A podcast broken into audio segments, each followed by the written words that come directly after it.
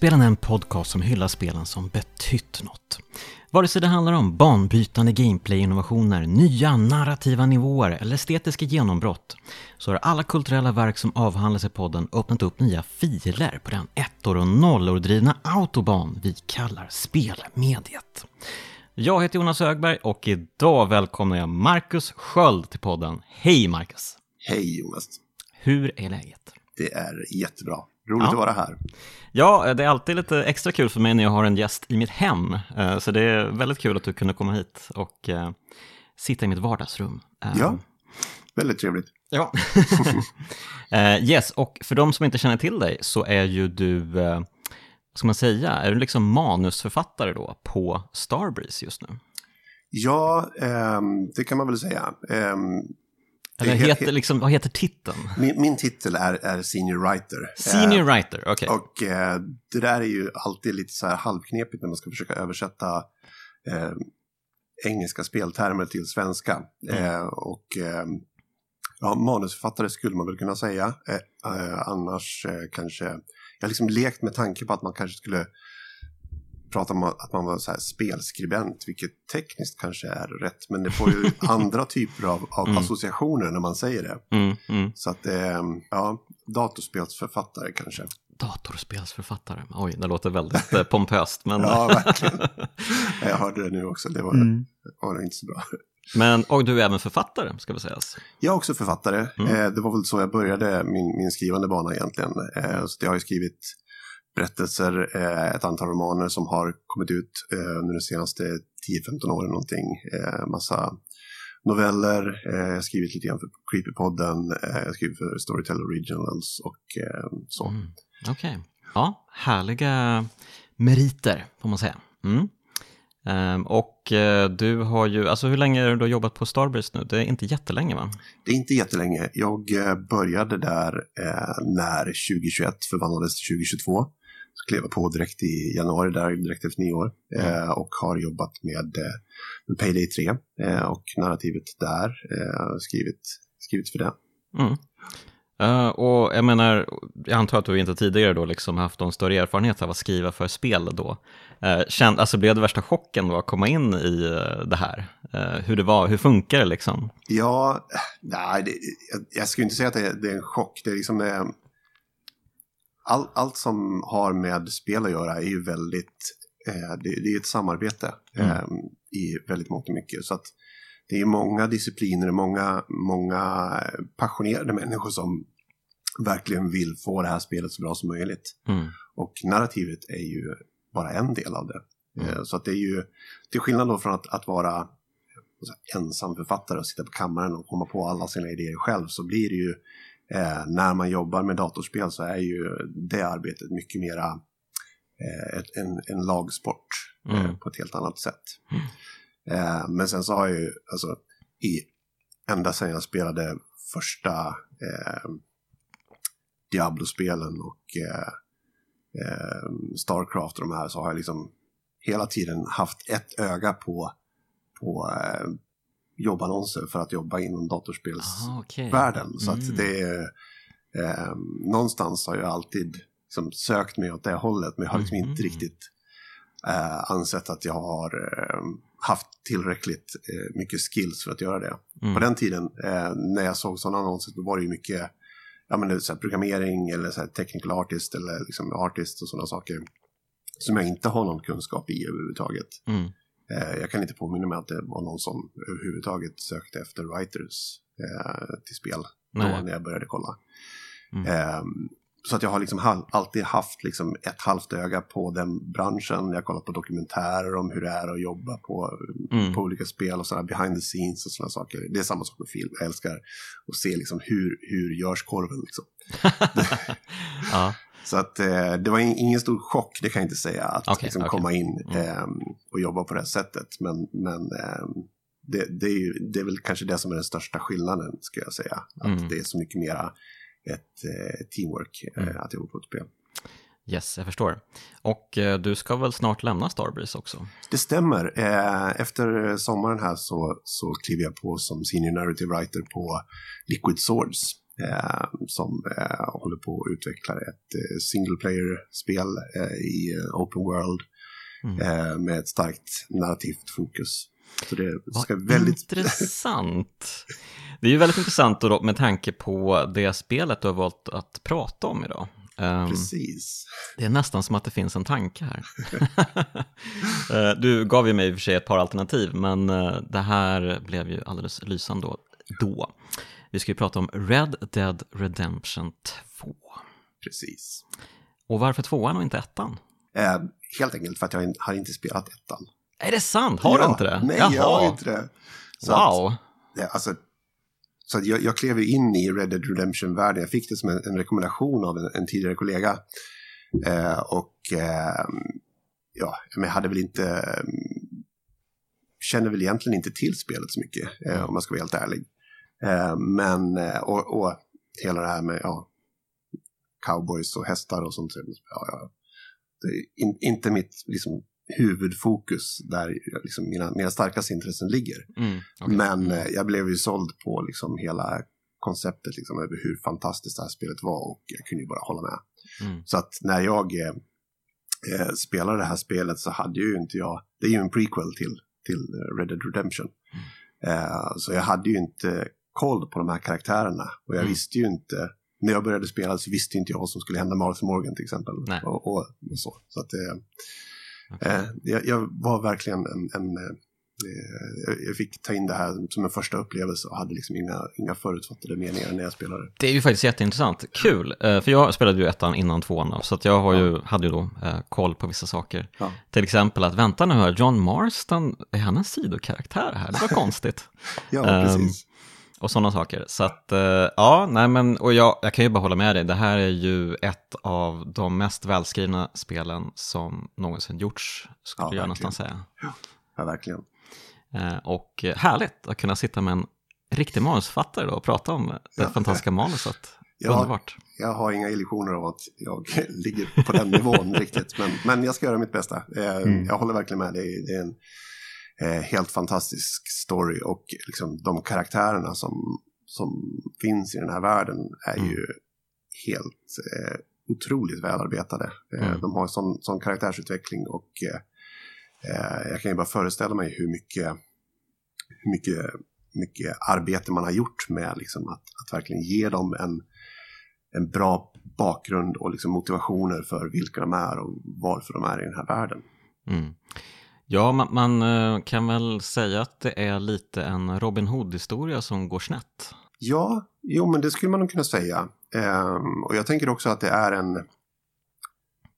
Det är ju de här människorna som, som försöker hålla sig fast vid en, en värld som är på väg att eh, förändras på ett sätt som de inte vill acceptera. Mm. De vill ju leva kvar i den här gamla världen. De söker ju hela tiden efter en plats där de kan kan få fortsätta vara vilka de är. Mm, Men. Eh, civilisationens framfart är ju liksom skoningslös. Skoningslös, verkligen. Mm. Eh, och eh, det, det, gör ju liksom att själva, själva storyn i sig är ju den är tämligen enkel ändå. Mm. Eh, ja, verkligen. Måste man säga. Det är mm. liksom, de är på flykt och de letar hela tiden efter någon, eh, någon annanstans att ta vägen eh, och försöker skaffa upp pengar till, till, för att kunna lyckas med det. Mm. Um, men sen så är det ju karaktärerna och vilka de är och den resa som varje enskild karaktär i det här spelet mm. uh, ger sig ut på. Uh, Ja, jag skulle nästan vilja säga framförallt att det är så jävla långt spelet. Ja. Um, och att det ändå inte är, alltså storyn är ju inte liksom, det, det är ju inte jättemycket så här krumbukter i den. Nej. Utan det är ju, man kan ju tydligt se vart det är på väg redan från början egentligen. Ja.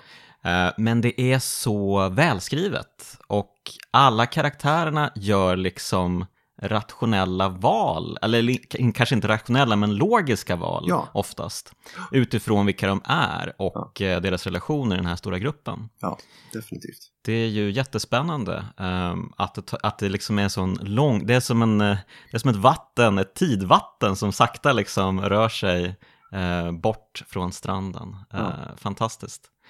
Ehm, men låt oss sätta upp det här nu ordentligt då. Yep. Ehm, för det hela inleds ju då med att man får träffa det här riktiga Rövgänget. Ja. Eh, för det är ju ett gäng desperados ja. som eh, befinner sig i eh, snötäckta berg helt plötsligt. Ja. vi kommer in i storyn in media res, alltså mitt in i handlingen. Och Eh, de är lite luven på varandra, de pratar om att eh, någonting gick snett i ett bank, eller inte bankrån, det var en färjerån tror jag det var. Ja, precis, det är eh, någonting i, med båten i, i Blackwater. Ja, precis, i en sån här klassisk västernstad, Blackwater då. Mm. Så att de har gjort en stöt som har gått snett och nu är de på flykt från lagen. Och då har de hamnat högt upp i bergen för att liksom ligga lågt tills ja, de kan ta sig vidare igen. Precis. Och då får vi lära känna det här rövgänget då. Och eh, framförallt får vi ju eh, börja spela då som huvudkaraktären Arthur Morgan. Mm. Och vem är han? Ja, han, han, är ju han är ju uppvuxen i det här gänget egentligen. Eh, gängets ledare Dutch Vanderlind, han har ju, man får ju klart för sig allt eftersom storyn utvecklas att han har tagit sig an den här Arthur eh, i unga år. Så mm. att för Arthur så är ju Dutch eh, nästan som en fadersfigur. Mm. Och jag menar, ja, de är ju, det är råbarkade busar, hela, hela gänget. Men, men mm. de, eh, de har ju också den här känslan av att de är en familj och de försöker liksom ta hand om sig själva. Liksom. Och det är ju, mm. det är inte bara ett gäng eh, smutsiga gubbar utan det är ju kvinnor och barn eh, med i det mm. här gänget också. Mm i och för sig. Eh, de är också eh, kanske lite grann på fel sida av, av, av lagens märken. Men, verkar men... så, verkar så. Ja. Mm. Vi får inte veta så jättemycket om eh, damerna kanske i sällskapet. Nej, inte de, de är väl, ja, tyvärr kanske, man kanske gärna velat åka på fler uppdrag med dem också. Mm. Det finns ju något enstaka där man åker med en för att råna en bank till exempel. Och hon ja. spelar ja, antingen full eller värnlös på något sätt. För ja, att precis. lura personalen liksom att uh, släppa in dem. Ja men precis, man får ju verkligen klart för sig att, att hon har liksom en repertoar av olika roller som hon, ja. hon, hon brukar ta sig an när de, eh, när de eh, gör sina såna stötar av det här olika slaget. Liksom. Men jag tror mm. att man får också ett, ett, eh, tips från Mary Beth, tror jag hon heter, mm. eh, om, om ett tågrån. Mm. mm. Eh, som John Marston då börjar organisera. Mm. Ja, men, men eh, helt klart så är det ju äh, männen det är fokus på ändå, får ja. man väl säga. Ähm, och äh, det är ju det är ju ett jättestort gäng det här. Jag har ju fasat lite för att äh, behöva prata om dem, för att äh, jag kommer ju glömma 50 namn här känns det som. ja. ähm, för det är väl minst typ 20 pers i det här gänget tror jag. Ja, någonting sånt är det, mm. definitivt. Mm. Och nej men det har ju helt rätt, det, det, är svårt att minnas namnet på, på allihopa. Mm. Men eh, jag tycker att alla har, även om all, de figurerar ju verkligen bara lite periferin de flesta, ska man väl säga. Eh, men jag tycker alla ändå liksom har en utpräglad persona ändå. Liksom. De, de blir liksom tydliga karaktärer ändå, även om man inte hänger med dem jättemycket. Ja. Men det är ju ofta så att man, när man rider iväg på ett uppdrag så får man ju en av dem med sig ja. Eh, och får lära känna den personen lite i framförallt i dialogen när man rider mot uppdraget. Det är ju så här klassiskt eh, Rockstar-aktigt. Mm. All, alltid man hoppar in i en bil tillsammans med någon i GTA och ska ja. bege sig någonstans. Och då, liksom, då utspelar sig liksom hela, eh, ja, eh, hela dialogen och hela karaktärsbyggandet och det där liksom. Den här walk and talk-metodologin. Walk and talk, the Aaron Sorkin for games. ja, härligt. Men eh, ja, men eh, Arthur Morgan då, mm. han, eh, hur skulle du beskriva honom? Alltså vad, vad har han för liksom, karaktärsdrag? Han är ju väldigt mycket av en, en äh, gängets äh, muscle så att säga. Äh, om, om Dutch Vanderlind är hjärnan i gänget så är ju Arthur, han är ju hans äh, starke man. Det är han som utför mm. de här lite tuffare uppdragen. Och jag har ju till exempel den här Eh, nu börjar det, nu börjar man tappa bort namn. Den här tys ja. tyska personen som, som har sin oh. pengalåning. Eh, Strauss heter han va? Strauss, herr Strauss, ja Just precis. Mm.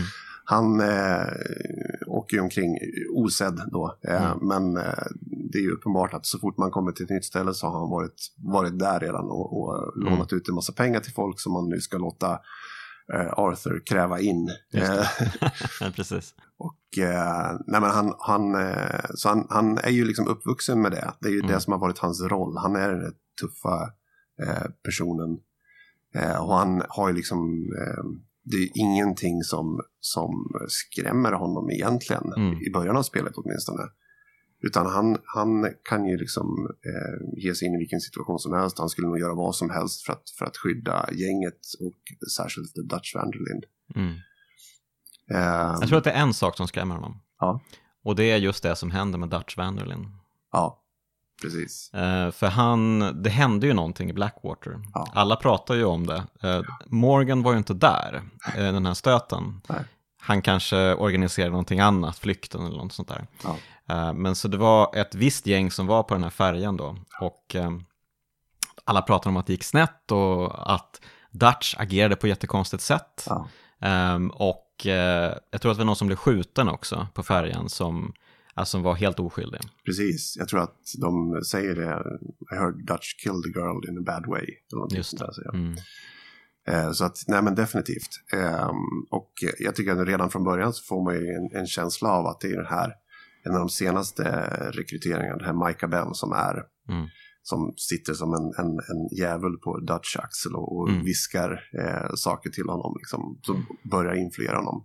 Men jag tror också att det är pressen som Dutch har, liksom att han i hela sitt liv så har han liksom drivit det här gänget liksom, Mm. och eh, han har tagit det på sig själv att eh, se till att de ska klara sig. Mm. Och eh, som du var inne på, det här med att, att samhället bara är på väg att ta över allting. Eh, Mm. det här Mm. vilda västern finns inte längre. Och Nej. att det är ju... Det en- är i så fall väldigt, väldigt få eh, platser kvar. Eh, Ja, men precis. Eh, och det är ju någonting som jag tror också påverkar honom. Att pressen blir för mycket för honom helt enkelt. Så att han börjar liksom tappa, eh, tappa idén om, om hans, sin egen ideologi. Mm. Eh, vad han anser vara liksom, hur, hur livet ska vara.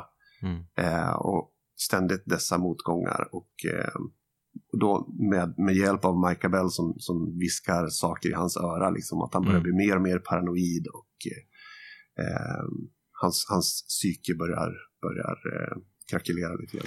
För att han, det, han, blir han upprepar ju sig själv väldigt mycket under spelets gång. Ja. Det är ju hela tiden det här snacket om den stora stöten, Ja. ehm, att eh, de ska fly till ett annat land, Haiti eller något sånt där, Ja, ehm, och att han ska ta hand om alla. Ja. Uh, oroa dig inte Arthur. ja, precis. Lita på mig. Lita på mig, exakt. Ehm, och eh, han är ju otroligt karismatisk, så ska ju sägas då, Ja. Dutch Wenderlin. Han är ju en, han kan snacka som ingen annan.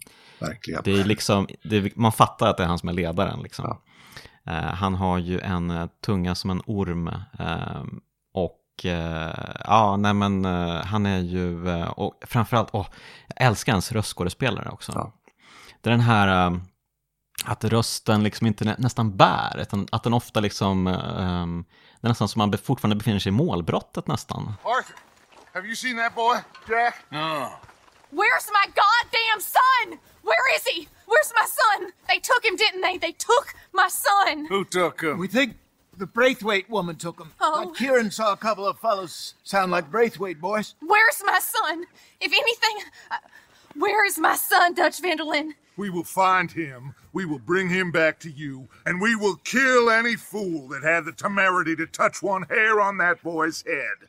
Abigail, you have my word. Just get me back my son. I will get that boy back, so help me God. Right now. Dutch! We just heard about Jack. You need some extra guns? Yeah, why not? Micah, Kieran, anyone strange turns up, you kill them! Rest of you, let's ride. Ja, men ja, det, när, när du säger det så, faktiskt. Det är liksom, han är hela tiden uppe på, på gränsen på något sätt. Ja, exakt, exakt. Det, det är så jävla snyggt att, för att hans karaktär är ju där. Ja. Och sen pratar han exakt så också. Ja. Alltså, ja, det kanske är lite övertydligt, men, men det, alltså, hans jä- fantastisk röstskådespelare verkligen. Ja. Ehm, och eh, ja, men alltså, man, man fattar ju verkligen grejen. Dutch är ju en otrolig karaktär. Ja. Ehm, och eh, han har ju hela den här Robin Hood-myten då, som han tänker sig att han liksom tar från rika, eh, kanske inte delar ut till alla fattiga, utan bara i den här gruppen då. Men, Ja, ja men det är, det är hans familj. Liksom. Det är de hans han, familj, ja. Han Mm. har sina lojaliteter mot oss Mm. som han försöker ta hand om. Men man ser ju det liksom hur, hur han utvecklas under spelet också, precis i början. Eh, När man träffar, och det är ju liksom en av de mer eh, kvinnliga karaktärerna som man får lära känna, Sadie Adler. Mm. När de, eh, i början av spelet så, så eh, räddar de henne väsentligen från, från eh, det här eh, O'Briens, nej vad heter de? O'Driscolls, O'Driscolls heter de. stora rivalerna. Ja, precis. Eh, och det, då utmanas ju de som riktigt, Mm. det är ju liksom ett riktigt skurkgäng då. Eh, som, Ja, absolut. Eh, Man kan ju ändå se liksom vissa, de har ju lojaliteter mot varandra i eh, Dutch van der Lindes eh, gäng liksom. Ja. Och de har väl ändå vissa grejer, alltså det här att man skjuter oskyldiga, nej då kanske man inte ska göra, även om nu Dutch kanske har gjort det då. Mm. Eh, Att han börjat tänja på eh, de här liksom hederskodexen som man ändå har i det här gänget. Ja. Eh, Så är ju The O'Driscolls, de är ju bara, de är ju det riktiga rövgänget verkligen. Det är Ja. ju bara ett gäng assholes verkligen. Precis. Han säger ju någonting där i början också, med, någonting med att eh, we eh, rescue people as needs rescuing and feed people as needs feeding and shoot people as needs shooting eller någonting sånt där. Just det, ja. Snyggt. Ja. Som, eh, och det är ju, går ju liksom mer, mer och mer mot shooting people. Ja. Bara shooting people, ja. Precis. Eh, en, en sakta eh, nedstigande eh, kamp i avgrunden Ja. för hela gänget här. Eh, ja, nej, men du nämnde ju hon Sadie Adler och eh, hon är ju en intressant karaktär också. Ehm, och eh, det är väl ett av de första uppdragen i spelet egentligen. Ja. Ehm, att man stöter på en stuga här uppe i bergen. Ja. Ehm, och eh, The O'Driscolls har ju varit där och skjutit hennes make. Och eh, då lyckas då Arthur och eh, några till rädda henne. Precis. Och eh, Maika tycker ju att eh, vi ska väl inte ta in fler folk. Eh, vi har ju tillräckligt med eh, munnar att mätta liksom här uppe i bergen. Vi har liksom ingen mat och vad ska vi göra liksom. Men Dutch är, är liksom, nej, vi ska göra vad som är rätt. Och det, Ja. det rätta är att hjälpa henne. Så att nu Exakt. hänger de med oss liksom. Ja, men det visas ju en, en, en tydlig, liksom, den här gränsdragningen, att de, de har liksom den här, eh, en någon form av hederskodex i Mm. gänget. Eh, som, som, ja, det är lite, ja men som du var inne på, lite, lite Robin Hood-känsla. liksom. Det är Mm. honorable thieves, Mm, ja, verkligen. någonstans där. Mm. Även om vissa är mer ärbara än andra kanske också Ja, i det ja, gänget. definitivt, Ja. definitivt. Eh, det blir tydligt eh, senare i spelet. Eh, Men, eh, ja, nej men och eh, man, eh, man gör lite ströuppdrag uppe i bergen, man räddar ju bland annat John Marston då. Eh, Precis. Ettans eh, huvudkaraktär, eh, han eh, befinner sig i fara i bergen, han liksom- är väl antastad av eh, pumor eller jaguarer eller något sånt där. Vargar, va? Vargar var det kanske, Ja. just det så var. Ehm, och då kommer Arthur Morgan till räddning. Och de har ju ett intressant, en intressant relation, Mm. John Marston och Arthur Morgan. För dels är de ju båda liksom, de är ju bröder så att säga, de är inte bröder på riktigt, men de är bröder i det här sällskapet. Ehm, och eh, båda har ju lite, båda har ju lite liksom blivit räddade av Dutch. Ja, ehm, när de var väldigt unga eh, och nu vuxit upp i det här gänget. Ja. Men de, ja, de har lite svårt att hålla sams de här två också, Eh, Ja. framförallt nu i början då. Det är mycket att eh, Arthur, jag vet inte, han, Arthur är väl lite mer liksom, han är lite avundsjuk nästan på, på John, på det han har kanske. Ja, det kan jag tänka mig att, att han eventuellt är. Men jag tror att det också är, eh, finns en del av, av Arthur Morgans personlighet där, liksom, att man ska stå upp för att göra rätt sak. Mm. Eh, så att han, eh, även om det inte är riktigt tydligt vad det är eh, som har hänt där, så anser han ju att John Marston har, har försummat sina plikter som, mot, mot Abigail och mot Jack. Eh, Hans familj då. Mm. Ja, precis. Eh, Hans, eh, vad ska man säga, kärnfamilj. Ja, precis. Ja. Eh, och det, det antyds väl liksom i början där att, att John inte riktigt ens vill ta på sig att det skulle vara han som är pappan på riktigt till Jack. Okej, är det så pass? Ja, det kanske var så. Ja. Eh, Men Mm. sen så, jag tror att det eh, spegla, spelar nog också in, för det finns ju en sidostory med Arthur och en, eh, är det Mary Linton hon heter, som är Mm, kvinnan mm, som, mm. som skriver brev till honom och man kan göra en rad uppdrag just det. Eh, Arthurs före detta um, going steady with-tjej. ja, precis. Eh, och han var väl beredd att gifta sig med henne, men hennes pappa ville inte acceptera honom och tyckte att han var liksom en, en råbuse, vilket han är. Men Ja, verkligen. Och eh, han ville väl heller inte riktigt ge upp eh, sitt gäng. Eh, nej, precis, eh, så kan det vara. Men jag tror att det, det spelar nog in i varför han eh, tycker att John Marston är en, en eh, skitstövel där i början. mm, För att, som du var inne på, att han kanske är lite avundsjuk på den situation som han har. mm, Och han ser att det här är någonting som jag skulle kunna haft med Mary Linton. Men jag, jag, jag, kunde inte, jag kunde inte få det. mm, Så han anklagar då Marston för att ja, men du har ju det här. mm. Varför liksom, ser du inte vad du har här? Liksom? Mm, och det är liksom därifrån det här äh, ja, liksom föraktet eller liksom äh, gruffet som de har mellan varandra äh, kommer in tror jag. Ja, men eh, ja, och ehm, den relationen förändras ju också genom spelets gång såklart. Ja. Ehm, ehm, långsamt, men säkert slow but steady. Ja, det är ett långt spel.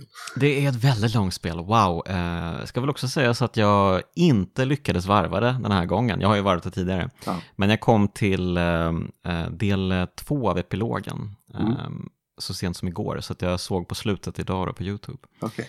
Eh, men eh, jag var nästan där. Ja. Det här är ändå spel som ligger på 30-40 timmar något sånt där. Ja, och det är ju bara huvudstoryn. Sen så finns det ju så mycket mera eh, sidouppdrag och grejer som man kan göra eh, så att man kan ju roa sig hur länge som helst. Mm, verkligen, ja herregud, det är fruktansvärt stort alltså. Och, det, och speciellt om man tittar på kartan eh, över allting och bara ser allting som inte upptäckt än. Ja. Hjälp, mind blown nästan. Eh, Enormt stort. Jag märkte det när jag, när jag, jag, för jag spelade också igenom det eh, inför det här samtalet, eh, även om jag har spelat det för, förut också. Men Mm. eh, det jag märkte då, för att nu hade jag liksom det här målet, jag ville komma igenom spelet. Eh, och jag tror att spelet i sig vinner väldigt mycket på att man tar sig tid Mm. att utforska allting och att liksom bara, ja men det är någon som ropar från skogen och man rider förbi liksom och att Ja. man upptäcker de här sakerna. Eh, om man bara liksom ska kötta sig igenom spelet så finns det ju risk att det blir lite grann av en ridsimulator liksom. Ja, jo, ja, det märkte jag också. Eh, det är ju väldigt mycket. Det, är ju ett spel som ehm, inte riktigt tror på det här med fast travel, eh, Nej. som finns i många andra open world-spel. Eh, jo, det finns fast travel, men eh, det är väldigt bökigt, ska sägas. Eh, Ja, och det är inte helt lätt att upptäcka heller. Eh, Man får ju liksom möjligheten att eh, fast travela till sitt läger, eh, jag tror det är andra lägret man kommer till, eller är det tredje till och med, lite osäker nu. Men det är en ganska bra bit in i spelet i alla fall, Ja. så man får den möjligheten. Ehm, Och sen upptäckte jag, jag vet att de sa saker det tidigare i spelet, men jag upptäckte det först mot slutet av spelet att man bara, ja just det, man kan sätta upp en lägereld var som helst ute i skogen och sen fast travela. Men det, det hade jag ingen aning om, så jag, jag, har, rid, jag- har ridit extremt mycket. ja, jag känner mig så dum, jag har inte heller insett det. faktiskt. Nej, är det sant? Okej. Okej, Okej. så det kanske finns mer effektiva sätt att, att ta sig runt. Då, Ja. Ja, jag Ja. tror det. Men uh, nåja, men eh, det känns ändå bra att vi har spelat spelet på det här sättet. Ja. Eh, det, känns som, det känns väldigt eh, rätt, för det här är ett långsamt spel och Ja. då ska man verkligen ta sig tid eh, Ja. för det här spelet också. Eh, men jag tycker att det ger någonting också att rida de här sträckorna. Eh, Ja, man tar definitivt. ju in det här enormt vackra landskapet. Ja. För landskapet är ju verkligen en karaktär i sig i det här spelet. Ja. Det är ju USA i ett nötskal, verkligen. Ja men verkligen. Eh, och det, det är så många olika eh, klimatzoner man ska säga som man, man Mm. kan röra sig runt. Allt från rena öknar till, eh, till stadsliv till eh, högt upp i bergen och snö och, och um, allting däremellan egentligen. Så Mm. det, och det här runt Valentine, det är, som, det är ju sån, sån klassisk eh, Mm. prärie. Så att det, det, Mm. ja, man, man blir direkt såld på den liksom, frihetskänslan som jag tror att de letar efter i det här gänget också. Liksom, att, Mm. att wide open plains. Liksom. Ja, det känns ju lite som att gänget eh, verkligen gillar Valentine mest av alla platserna Ja. eh, de befinner sig på. Det känns ju som mest dem liksom. Ja. Det är fortfarande the frontier, eh, känns inte riktigt som att civilisationen har hunnit ikapp där uppe.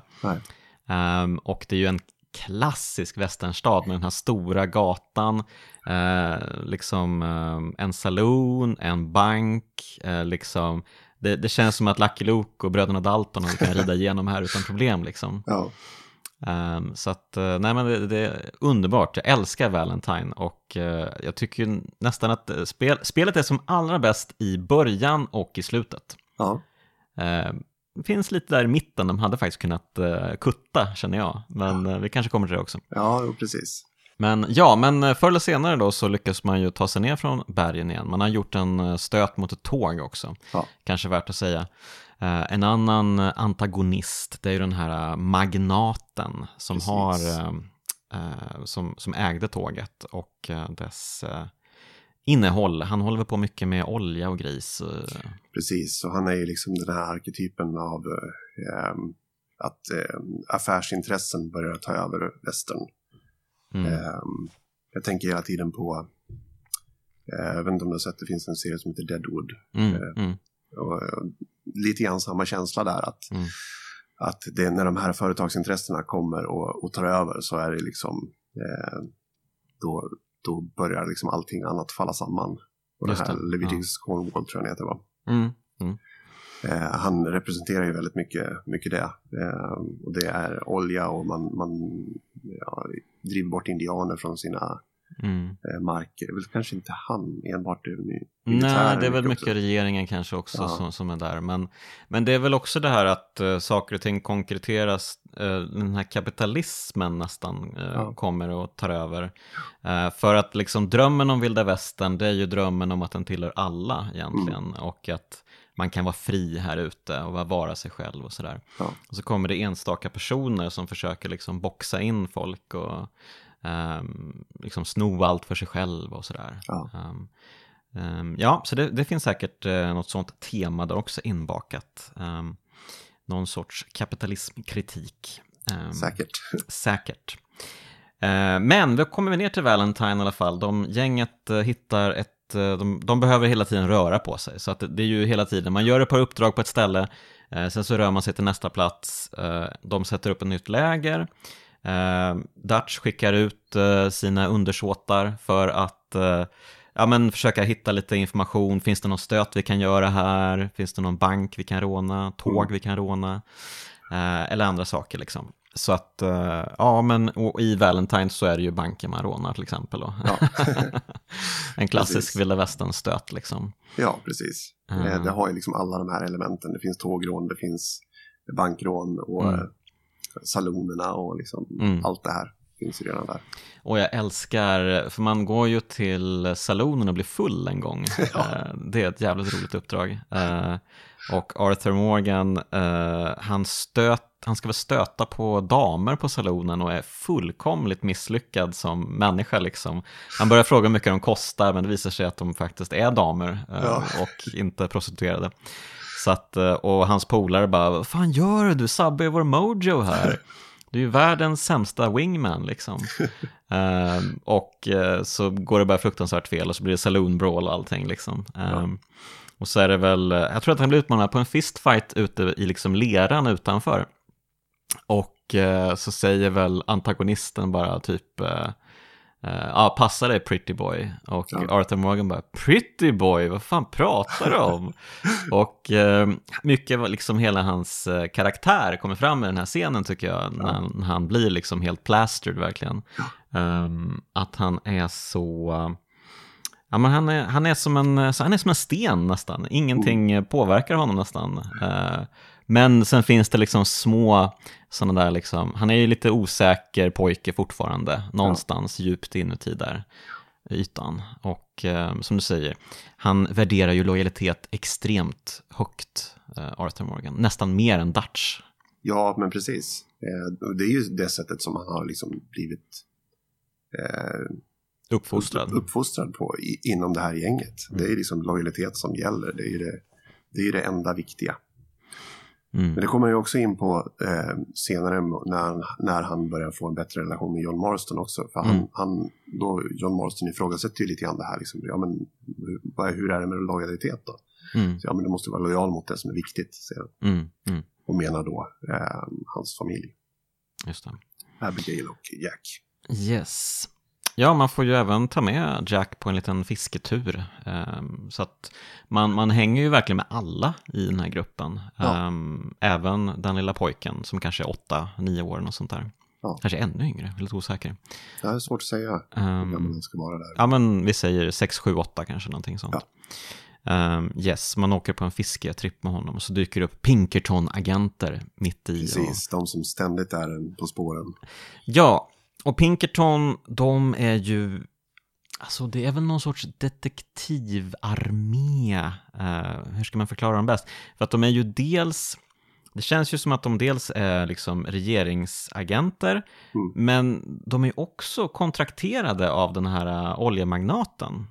Det är ju också den här, alltså, vi var inne på det här liksom med, med kapitalismen och, och för de har ju alla mot sig egentligen och Pinkertons är väl eh, ett, ett privat eh, detektivbyrå Så egentligen. Mm, mm. Eh, men att de går ju då eh, pengarnas eh, intressen. Liksom. Mm, mm. Att eh, är det då en, en, en etablerad affärsman som Leviticus Cornwall till exempel, eller vem det nu än är som de rånar i Blackwater, Mm, mm. så då, då finns det pengar där att, att kasta på Pinkertons som kan Mm. sig efter. Precis. Ehm, för alla kanske tänker på Vilda Västern att eh, det fanns massa Bounty Hunters, att det fanns liksom så här wanted posters uppsatta överallt. Men det är ju lite av en myt. Eh, så, så var det ju inte på riktigt. Ehm, utan det var ju mer att det fanns liksom riktiga eh, agenter då, Ja. som var liksom kontrakterade av eh, big money och sånt. Så att Pinkertons är ju liksom the real deal här. Ja, de finns ju Ja. på riktigt. Mm. Jag tror de ägs av Securitas. Är det sant? Ja, Det här är väldigt eh, de- överraskande information. don't quote, me on, quote, quote me on that, men jag har hört det i alla fall. Att, Okej, hmm, intressant. Ehm, ja, nej men ehm, så att eh, de hotar ju Arthur att, eh, eller de erbjuder ju framförallt Arthur en väg ut här. De säger ju att eh, om du eh, ger oss Dutch, då får du, då får du gå. Men eh, det biter han ju inte på. Nej, det, det existerar ju inte i hans värld att han Mm. skulle förråda någon och allra minst Dutch. Exakt. Eh, För även om han hört de andra i gänget prata om att Dutch gjorde något hemskt i Blackwater så Mm. nej, det, det, det kan inte stämma. Eller? Eller? Ja. Nej, nej, Nej. nej. Nej, och även om han skulle ha gjort det så, så är, tror jag inte att det är skäl tillräckligt för Arthur att, att Ja. honom heller. Nej men exakt, det är väl fortfarande för mycket liksom ändamålen helgar medlen som är liksom, eh, han kanske känner sig tvungen att göra det där Ja. hemska. Ehm, så att eh, nej, Ehm, det är Dutch som är ledaren, det är Dutch som är fadersgestalten, det är ja, men Dutch som är hela den här gruppens uh, själ och hjärta. Så Ja. att det är ju han som håller ihop allting, det är han som är limmet. Ehm, ja, men eh, de tvingas ju fly även från Valentine för att Pinkertons närmar sig. Och eh, då beger de sig ner till Rhodes. Precis. Beskriv Rhodes, vad är det för en stad? Rhodes är ju en, en eh, liten stad. Den är inte så annorlunda från Valentine. Skillnaden är väl att det är två stycken ehm, familjer, två stycken förmögna familjer som, Mm. som har liksom en konflikt där i Rhodes. Båda två härstammar väl från eh, sydstaterna, Mm. eh, the Confederates. Eh, och eh, är ju inte världens trevligaste eh, personer egentligen. Men det Mm. där är ju någonting som, som gänget, eller ja, Dutch, ehm, ser att ja, men här skulle vi kunna, vi kan liksom spela båda sidorna av den här konflikten och försöka eh, komma över eh, deras rikedomar. För det finns ju ett rykte om att de har en massa eh, sydstatsguld Mm. eh, gömt någonstans. Mm, mm, mm. Det, Ja, det, ja, precis. Ehm, och eh, vad Dutch kanske inte inser är att kanske även han blir liksom utspelad Mm. av de här två rivaliserande gängen. Ja. Eller ehm, husen, vad ska man kalla dem? Ja, precis. Han kanske Mm. överskattar sig själv lite grann där. ja så att eh, det går ju snett här i Rhodes. Eh, det, ja, det är ju en serie av bakslag hela Ja. tiden genom hela spelet. Eh, Dutch tror att han, ja men nu kommer vi på fötter igen, nu är det dags, men sen så blir de alltid nedslagna liksom. Ja, och de lyckas ju till och med bli, bli deputized som, som eh, sheriffs. Ja, det är ju väldigt kul faktiskt. Ja. Ja. slå till mot deras... Sheriffen eh, verkar ju helt aningslös. eh, Ja, ja, precis. bara, ja men jaha, de verkar väldigt handlingskraftiga de här typerna. Eh, man stöter väl på sheriffen när man är ute och rider. Ja. Och sen så lyckas eh, några skurkar fly från, de åker ju med en liten fångkaravan liksom. Just det, just det. Och sen så tvingas man eh, jaga ifatt dem på ett tåg Ja. och eh, fånga dem igen då. Och då tycker ju sheriffen att eh, ni är ju toppen, alltså här, här får ni sheriffstjärnan liksom. Precis. Ja. Eh, så att, eh, ja, men Rhodes det är ju väldigt varmt och härligt här nere och mycket härlig sol och sådär, men det kanske ändå är den stad jag gillar minst i, i spelet. Eh, Ja, jag gillar inte Rhodes speciellt mycket som stad i sig. Mm. Eh, men däremot så, så den campen som man har där Mm, är nog... Eh, alltså första gången som jag spelade spelet så då, då spelade jag verkligen på ett sätt där man liksom verkligen stannar och, luktar på blommorna liksom. ja, Eh, och eh, Horseshoe Overlook där som precis under Valentine är ju jättefint också. Mm. Men när man har väl kommit så långt i spelet så att man har kommit till Rhodes mm, så är pass, så pass mycket mer upplåst så att man har liksom mer möjligheter att, att ha det som någon form av... Och då, jag, jag bara liksom eh, upplevde hela den här härliga open world-grejen och red runt i alla möjliga olika... mm. Vill inte göra några story missions överhuvudtaget utan bara utforska världen och liksom hitta nya hästar och ja. Mm. Ja, men det finns ju som sagt hur mycket som helst att göra. Eh, Jag stötte på någon paleontolog som Ja. sökte efter dinosaurieben, liksom. ja Som man också kan hjälpa, liksom. Ja. Och, och ehm, alltså det finns så himla mycket olika sidouppdrag man kan eh, förlora sig i, verkligen. Ja, äh, världen är ju helt eh, otroligt detaljerad och liksom Mm. så mycket eh, olika sidouppdrag som, som du säger. Liksom. Men eh, det där är intressant också för att eh, det finns ju faktiskt en mätare för hur god slash ond man är i spelet. ja, som jag nästan aldrig tänkte på. Eh, jag vet inte om det är ett misslyckande eller en seger. Jag är lite osäker på det faktiskt. Ja. För att om man då stannar och hjälper folk så tror jag att man får en boost till den här godhetsrankningen. Om man istället skjuter någon oskyldig så får man ju antagligen en wanted, eh, eh, en efterlysning på sig och samtidigt som den här liksom skalan backas ner lite. ja, precis. Men, eh, så jag vet inte om det blir variationer i eh, liksom dialogen och storyn beroende på om man liksom åker direkt ner till den, den ondskefulla eh, delen eller om man är supergod. Liksom. Lite grann tror jag att eh, NPCerna reagerar annorlunda på, på en Mm, mm. beroende på vad man, vilken, vilken ända av det där spektrat man ligger på. Mm. Ehm, jag vet till exempel att om man kommer högre upp på godhetsskalan så får man rabatter i butikerna till exempel. Ah, okej, okej. Ehm, och Okej. ehm, Mm. ja, då, folk är generellt mycket vänligare mot den när Ah, man, ja, när ja, man ja. eh, Ja, men då, då fattar jag. Ehm, för att eh, jag befann mig, i slutet av spelet så befann jag mig nästan exakt i mitten. ja, Vilket, ehm, jag tror man måste anstränga sig väldigt, väldigt mycket för att vara supergod i det här spelet. ja, det finns ju några knep. Man, man till exempel, varenda gång man stöter på någon medan man rider genom en stad så trycker man på greet. Ah, du Så- menar att det påverkar också? Det påverkar, då, då Aha, klättrar man okej. uppåt på den där skalan lite grann. Okej, wow. Ehm, wow, det här spelet, otroligt. Men eh, för mig som var lite mer aningslös då, ehm, så var det väl passande på något sätt att jag hamnade i mitten. Ehm, Ja, För att det känner jag liksom symboliserar Arthur Morgan eh, bättre egentligen. Att Ja. han är, befinner sig där i mitten. Ja. Ehm, för det är väl lite så han porträtteras genom spelet också. Eh, en person som inte tvekar att göra onda saker om det liksom hjälper ehm, det, hans egna liksom, familj och nära. Liksom. Mm. Ehm, och eh, som försöker göra rätt ifall han har den möjligheten också. Ja. Ehm, för att det- de här sidouppdragen med Strauss till exempel. Ja. För där, där är man ju direkt eh, nästan ond skulle jag säga. ja men verkligen. Ehm, och I synnerhet med den här Thomas Downs, och det är ju där han drar på sig eh, det som blir hans fall så småningom.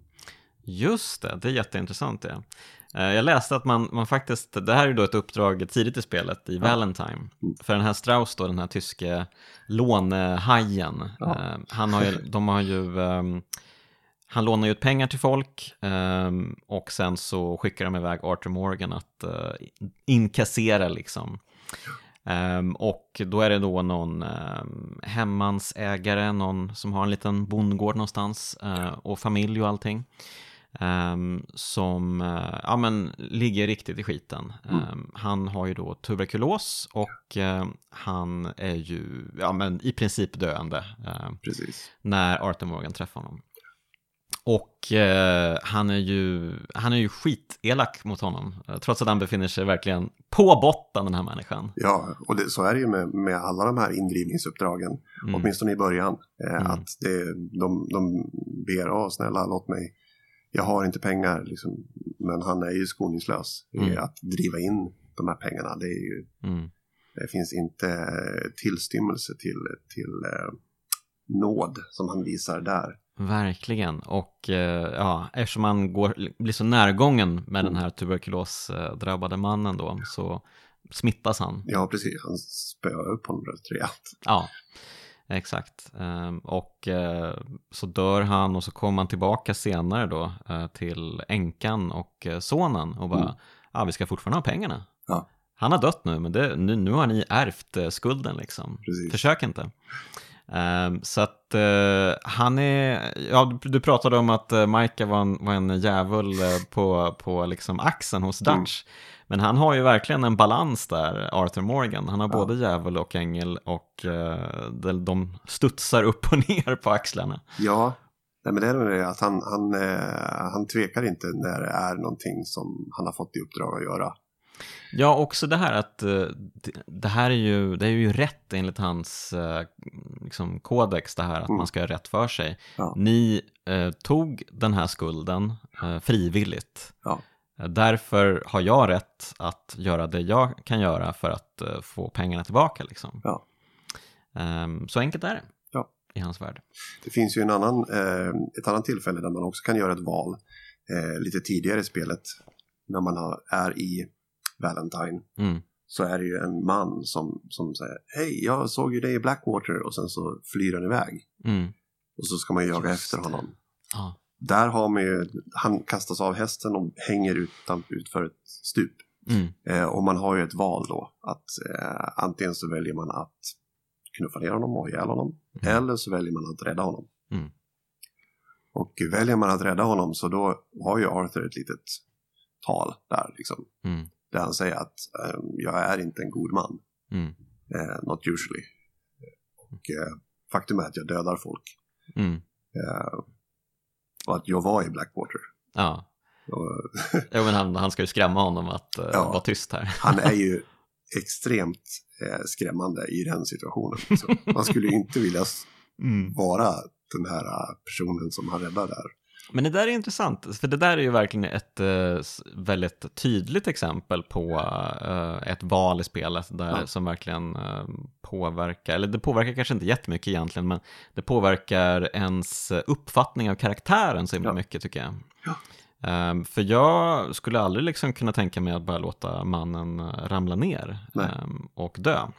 Jag tycker ju att han gör helt rätt som drar upp honom och sen hotar Mm. verkligen hotar, alltså ganska smart också, det är inte så att han bara håll käften annars kommer jag att ta det, utan det är ju, Nej. du vet, han kör hela som du berättade där, hela den där Ja. Eh, praten. ja. Precis. Eh, så att, eh, nej men alltså han, han, han ser ju inte så intelligent ut kanske, men han är ju faktiskt ganska smart, Arthur Ja, Morgan. ja, verkligen. Ehm, och uh, Maika hånar väl honom ganska ofta för att uh, hörru du pucko, uh, Ja. kom igen nu liksom. Eh, Men ehm, ja, nej, i själva verket så är han väl kanske smartast av alla i gänget skulle jag säga. Ja, det är väl han som har tydligast, eh, vad ska jag säga, moralisk kompass eller vad man ska säga. Mm, För han, ehm, även om han är, är ond och sen så när han får den här tuberkulosdiagnosen och han liksom börjar inse vad för slags liv han har levt och liksom börjar lite grann leta efter sätt att göra saker och ting bättre. mm, han är tämligen säker på att han kommer att hamna i helvetet. Men, men Mm. han, eh, det finns ju ett segment där man kan träffa en nunna senare i spelet som han, han Mm. bekänner sig lite grann för och sådär. Men eh, han, det är ju han som hela tiden ser när Dutch börjar vika av från liksom, Mm. det som under hela hans uppväxt har han fått lära sig att det är det här som är det rätta, det är det här som är den moraliska kompassen som vi följer. Mm. Och han blir ju då den här eh, måttstocken för, för vad gänget, vad de gör, vad de inte gör.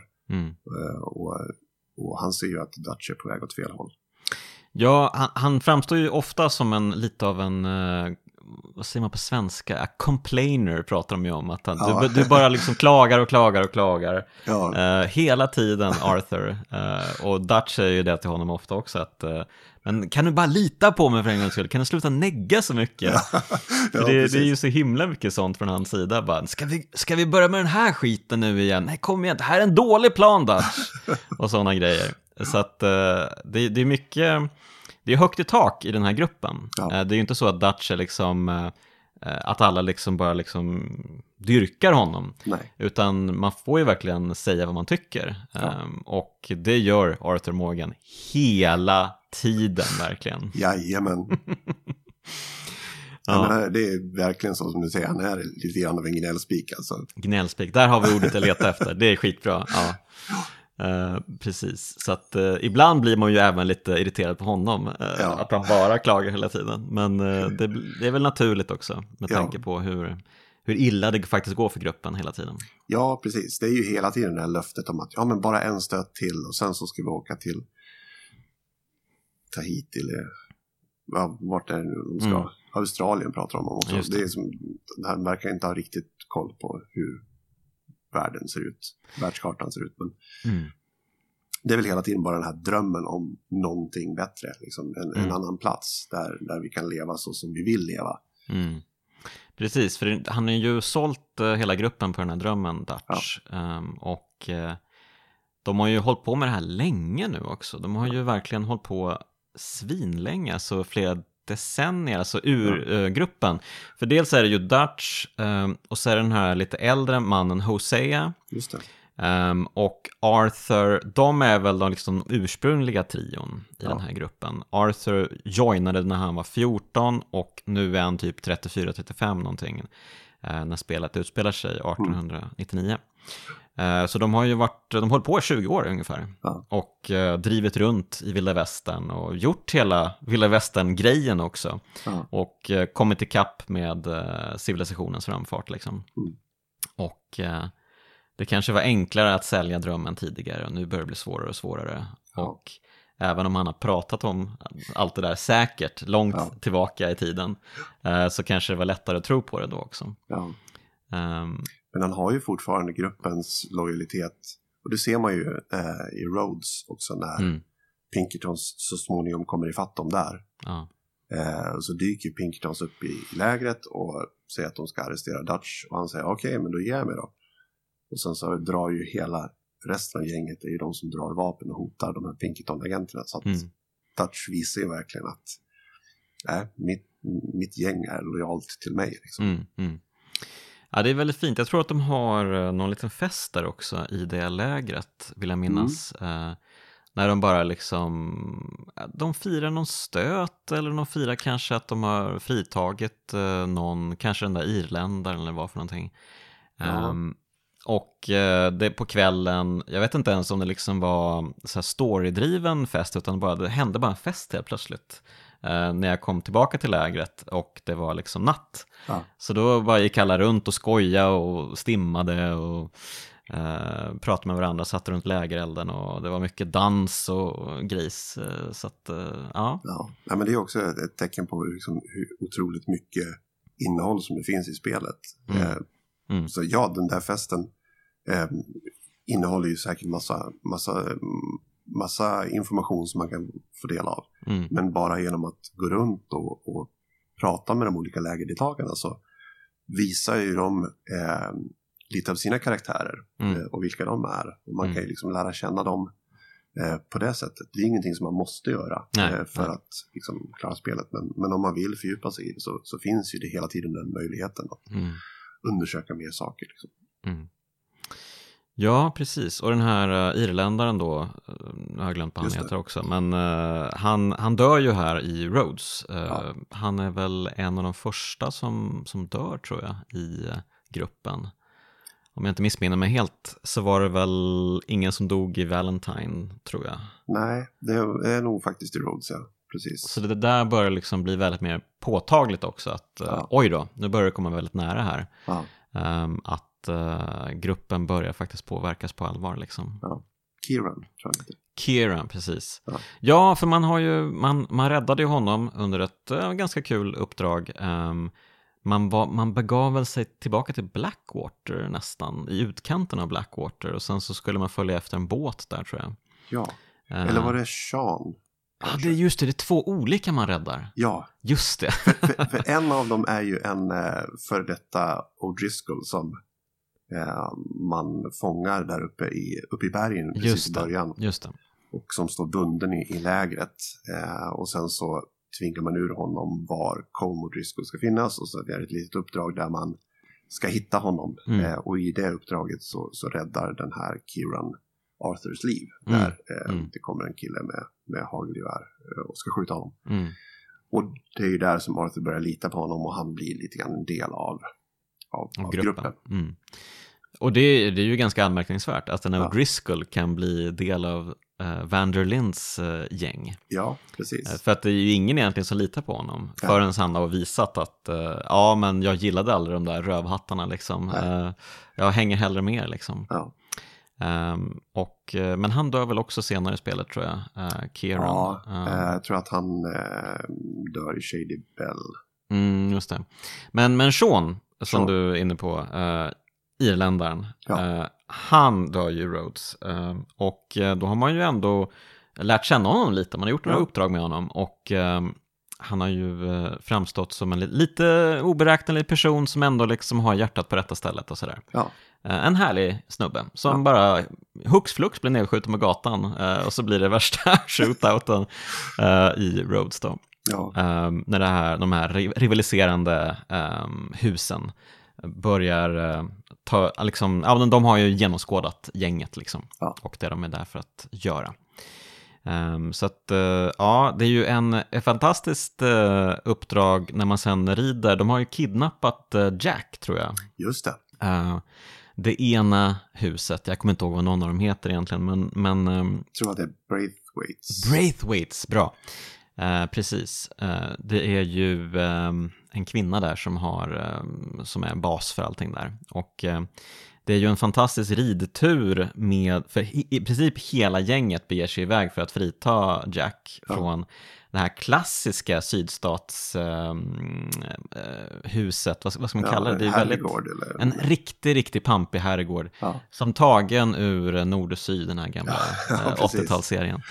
Eh, så att, eh, ja, det är ju verkligen en fantastisk ridtur på kvällskvisten eh, fram mot det här huset i den här fantastiska allén också. Ja, Supervackert verkligen. Och, otroligt eh, cinematiskt där, liksom när hela gänget närmar sig Ja, portarna där. Alltså. otroligt. Ja.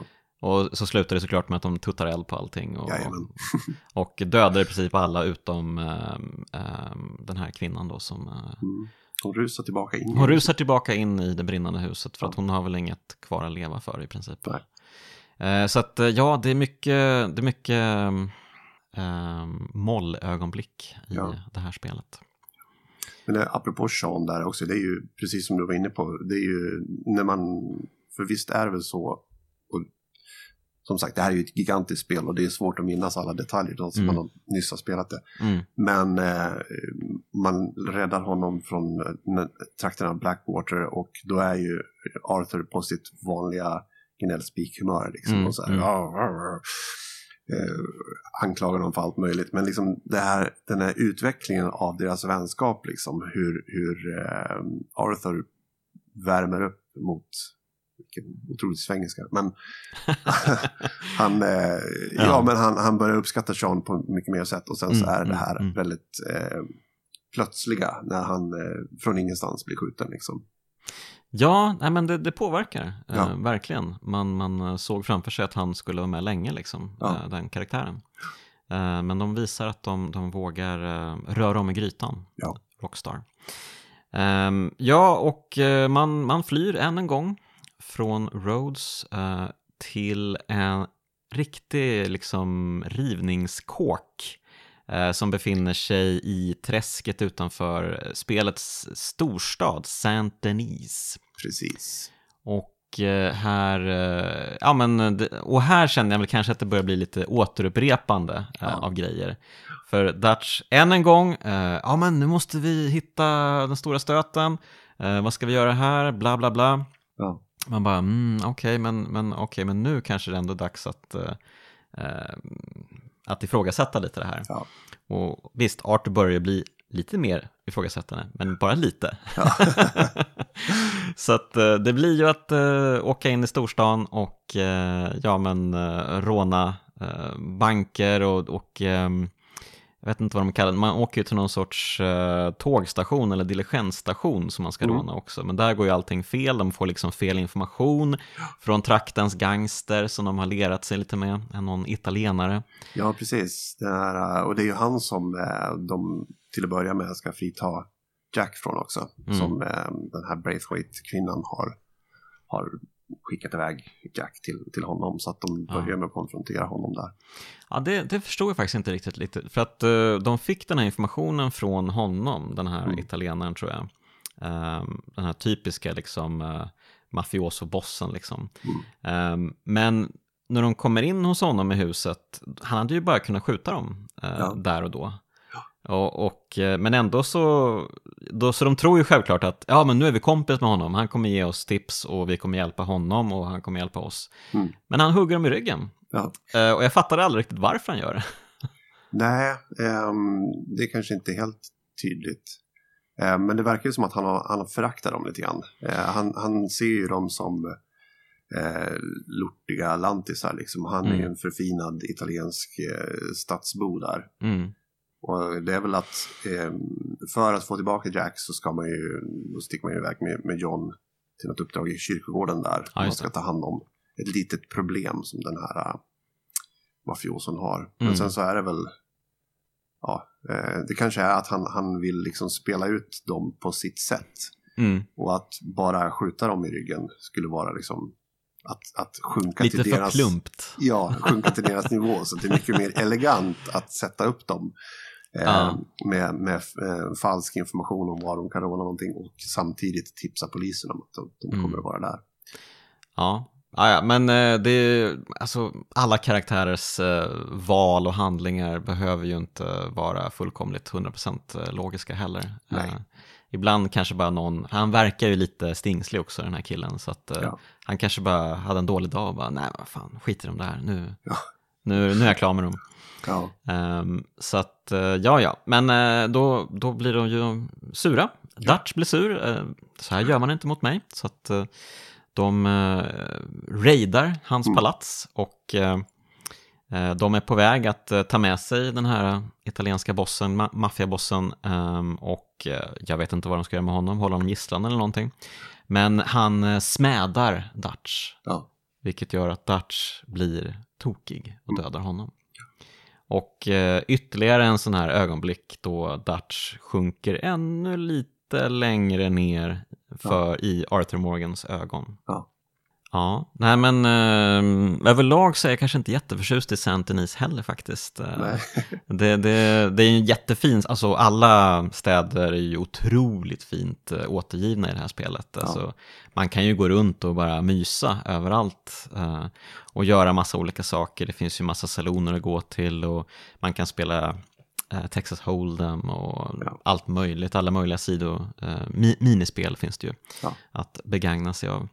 Men eh, jag kände lite att det började upprepa sig ganska mycket eh, här. ja nej, men det, det är ju det. Och liksom, själva storyn är ju väsentligen samma sak som upprepar sig eh, fast på olika platser. Mm. Eh, och det går ända uppifrån de här snöiga bergen ner till Valentine och sen så Mm. eh, sydstaterna där i Lemoyne eh, med Lemoyne Raiders och, Mm, och alla mm. de här. Och sen så till slut till staden så du har ju helt rätt. Liksom. Det, det är samma, samma skiva, liksom det, det hack i skivan. Liksom. Så Mm, det är mm. samma sak som upprepas hela tiden. Så. ska väl också säga så att det, det är ju inte jättekul att eh, skjuta 500 poliser ständigt och jämt. Eh, jag, jag blev lite uttråkad av, för det är så himla många man ska skjuta hela tiden. Ja. Eh, det blir lite överdrivet och det blir också så här, ehm, det blir lite svårt för mig att tro på historien också, att det här gänget, de överlever allt. Ja, Eh, de dödar tusentals människor i sin, eh, eh, i sin väg eh, och eh, utan problem. Ja. Så att, eh, mm, jag vet inte, hade man kunnat göra liksom striderna lite mer liksom, det ska ju vara så realistiskt det här spelet Ja. ofta, men det är ju verkligen inte realisti- realistiskt i striderna. nej. Hade man bara gjort dem lite roligare och liksom, okej man skjuter kanske fem, sex stycken i varje strid, men Ja. att det, är liksom, det kräver mer av spelaren att faktiskt göra det, lyckas med det, att Ja. liksom vara mer taktisk och manövrera runt eh, de här, eh, jag vet inte, men, men det, det, det blir lite samey allting. Ja, visst blir det det. Eh, och jag spelar ju den här typen av spel framför allt för storyn. Mm. så att jag är ju helt med, med på det du säger, liksom om att man, hade, man hade kunnat vara utan de flesta eh, revolverfighterna eh, för, Ja. för min del. Eh, jag hade haft stor behållning av det ändå, men det är ju fortfarande eh, den här balansen mellan, mellan eh, gameplay och att liksom ge spelaren en möjlighet att, att vara med liksom, i den här Mm. riktiga Clint Eastwood eh, spaghetti känslan av att liksom Mm. bara meja ner en massa folk. Det är väldigt få dueller i spelet, det tänkte jag också på. Ja, det har du rätt i. Alltså Är det så här någon? klassiska västerndueller verkligen, när Ja. man står och ska dra. Ja. Nej, jag tror inte det är någon enda. Fast man, det finns ju någon sidouppdrag om man ska leta upp eh, klassiska gunfighters. Där tror jag man har dueller faktiskt. Just det. Eh, så det är väl egentligen bara där kanske. Ehm, och Så- där blir det ju så- liksom en grej i hela... Ja. eh, man typ, det är typ fem stycken som är riktiga så här klassiska, eller klassiska är de inte, men, men de är liksom välkända och eh, meriterade, eller påstår sig vara i alla fall meriterade gunfighters.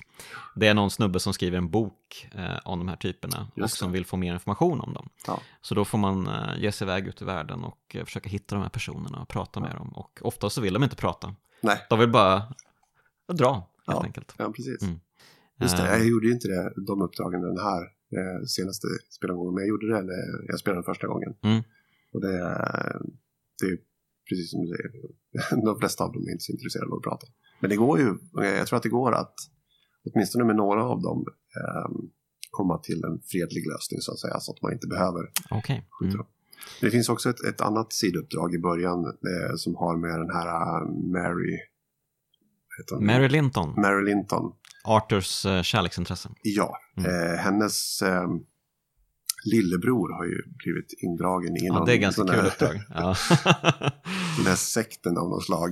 Eh. Och Mm. när han flyr därifrån, om man ska jaga, jaga ikapp honom, så, så finns det ju en sekvens där man måste skjuta pistolen ur handen på honom för att han inte ska Just ta det. livet av sig tror jag. Det var ju faktiskt eh, väldigt kul. Synd Ja. att man inte fick göra det lite oftare. Ja. Lite så här skjuta på specifika platser på, på personer eller på objekt i, i liksom omgivningen. Ja, ja, det blir ju några sådana här som är nästan som quick time events, liksom, när man, när man kommer in i det här dead eye-läget. Mm. Det gäller att man ska skjuta någon person precis på rätt ställe. Mm. Men ja, de är inte så jättemånga. Nej. Mm. Men, eh, men det finns ju ett uppdrag som var ganska kul ändå i Centernis och det är väl när man ska ut på flodbåten och eh, vara med på den här Texas Hold'em-turneringen. Ja, just Eh, det. Ja. Det tyckte jag var ganska skojigt. Eh, Ja. Det, det kändes ju väldigt, eh, lite inspirerad av Maverick kanske, om du sett den gamla goa Ja, westernrullen. ja, just det. Ja, Ja. just det. Det var, det var inte igår jag såg den. Nej, en eh, fin gammal Mel Gibson-rulle från 95, något sånt där. Ja, precis. Ehm. Med Jodie Foster om jag inte minns fel. Just det, absolut. Ehm, yes, eh, en eh, favorit faktiskt. Eh, Ja, Den är eh, lite töntig, men eh, den, den är charmig också. den, den har sin charm, definitivt. Eh, Jag måste nästan leta reda på den och se den igen. Mm. Ja, men som, jag är ju då en western-buff ändå, Mm. får man ju säga. Eh, och jag har ju sett många referenser till Ja. gamla westernrullar i Red Dead Redemption. Ja. Både ettan och tvåan egentligen. Och visst, som du säger, Dollar-trilogin med Clint Eastwood, den är ju allenarådande, eh, absolut. Framförallt i ettan då man verkligen spelar som John Marston som verkligen blir den här klassiska spagettivästern-hjälten Ja. och ska ensam ut och liksom leta upp sitt gamla gäng och skjuta ner dem. Ja, just det. Eh, Men här i tvåan så känns det lite mer som att de försöker anamma 60-talets eh, cowboysarullar och då de amerikanska cowboysarullarna. Eh, För Clinton gjorde också sina filmer på 60-talet då i, Ja. i Italien. Eh, Men jag tänker på filmer som Butch Cassidy and the Sundance Kid och The Wild Bunch. Eh, Det här att eh, kamratskapet blir väldigt viktigt. Eh, Brödraskapet. Inte så mycket det här att det är en man som befinner sig ute i, i det vilda liksom och eh, förhåller sig till naturen eller sådär. Och eh, måste försöka förhålla sig till människans förrädiska natur också. Mm. När han stöter på olika eh, nedriga typer. Eh, men i de här filmerna så är det ju mycket just brödraskapet som är viktigt. Eh, att man tillsammans kan liksom bygga någonting. Ja. Så att eh, det är fint, jättefint. Eh, fina filmer att se, också rekommenderad till alla. Ja, jag får ta kolla in dem. Det är som sagt, jag är inte jättebevandrad i, i westerns, men Nej, men man kan bli. Man Åh, kan det finns bli. så många bra westernfilmer. Jag får skriva en lista på alla man måste se. ja, det. Men eh, yes, men vi fortsätter. För nu händer något jättekonstigt i handlingen. Eh, många, eller det, det händer ju eh, så att eh, gänget splittras ju Ja. i Saint-Denis. Vad händer? Jo, nej men det är ju en, eh, ett bankrån som går snett Mm. och, och gänget är tvungen att, eh, ehm, att fly. Eh, de har ju, återigen så är det väl den här uh, italienaren tror jag som är inblandad på något sätt. Eh, Mm, mm, eh, har, har eh, skvallrat på dem och eh, man eh, efter en, en enorm shootout så, så eh, tar man sig ombord på en båt. mm, Och eh, den här båten eh, kapsejsar i en storm. mm, Och eh, man eh, flyter i land på någon ö som heter Guarma. mm. Eh, Just det. Båten var på väg till Kuba. ja, så var det nog ja. Precis. Just det, så planen på båten var att vi tar oss till Kuba, vi regroupar, vi tar oss tillbaka till Saint-Denis och räddar de som blev kvar där liksom. Precis, och där finns det ju hela tiden den här misstanken om att Dutch egentligen inte avser att göra det. Just det. Mm. För i det här eh, bankrånet så det är väl där som John Marston blir arresterad också. Ja, precis.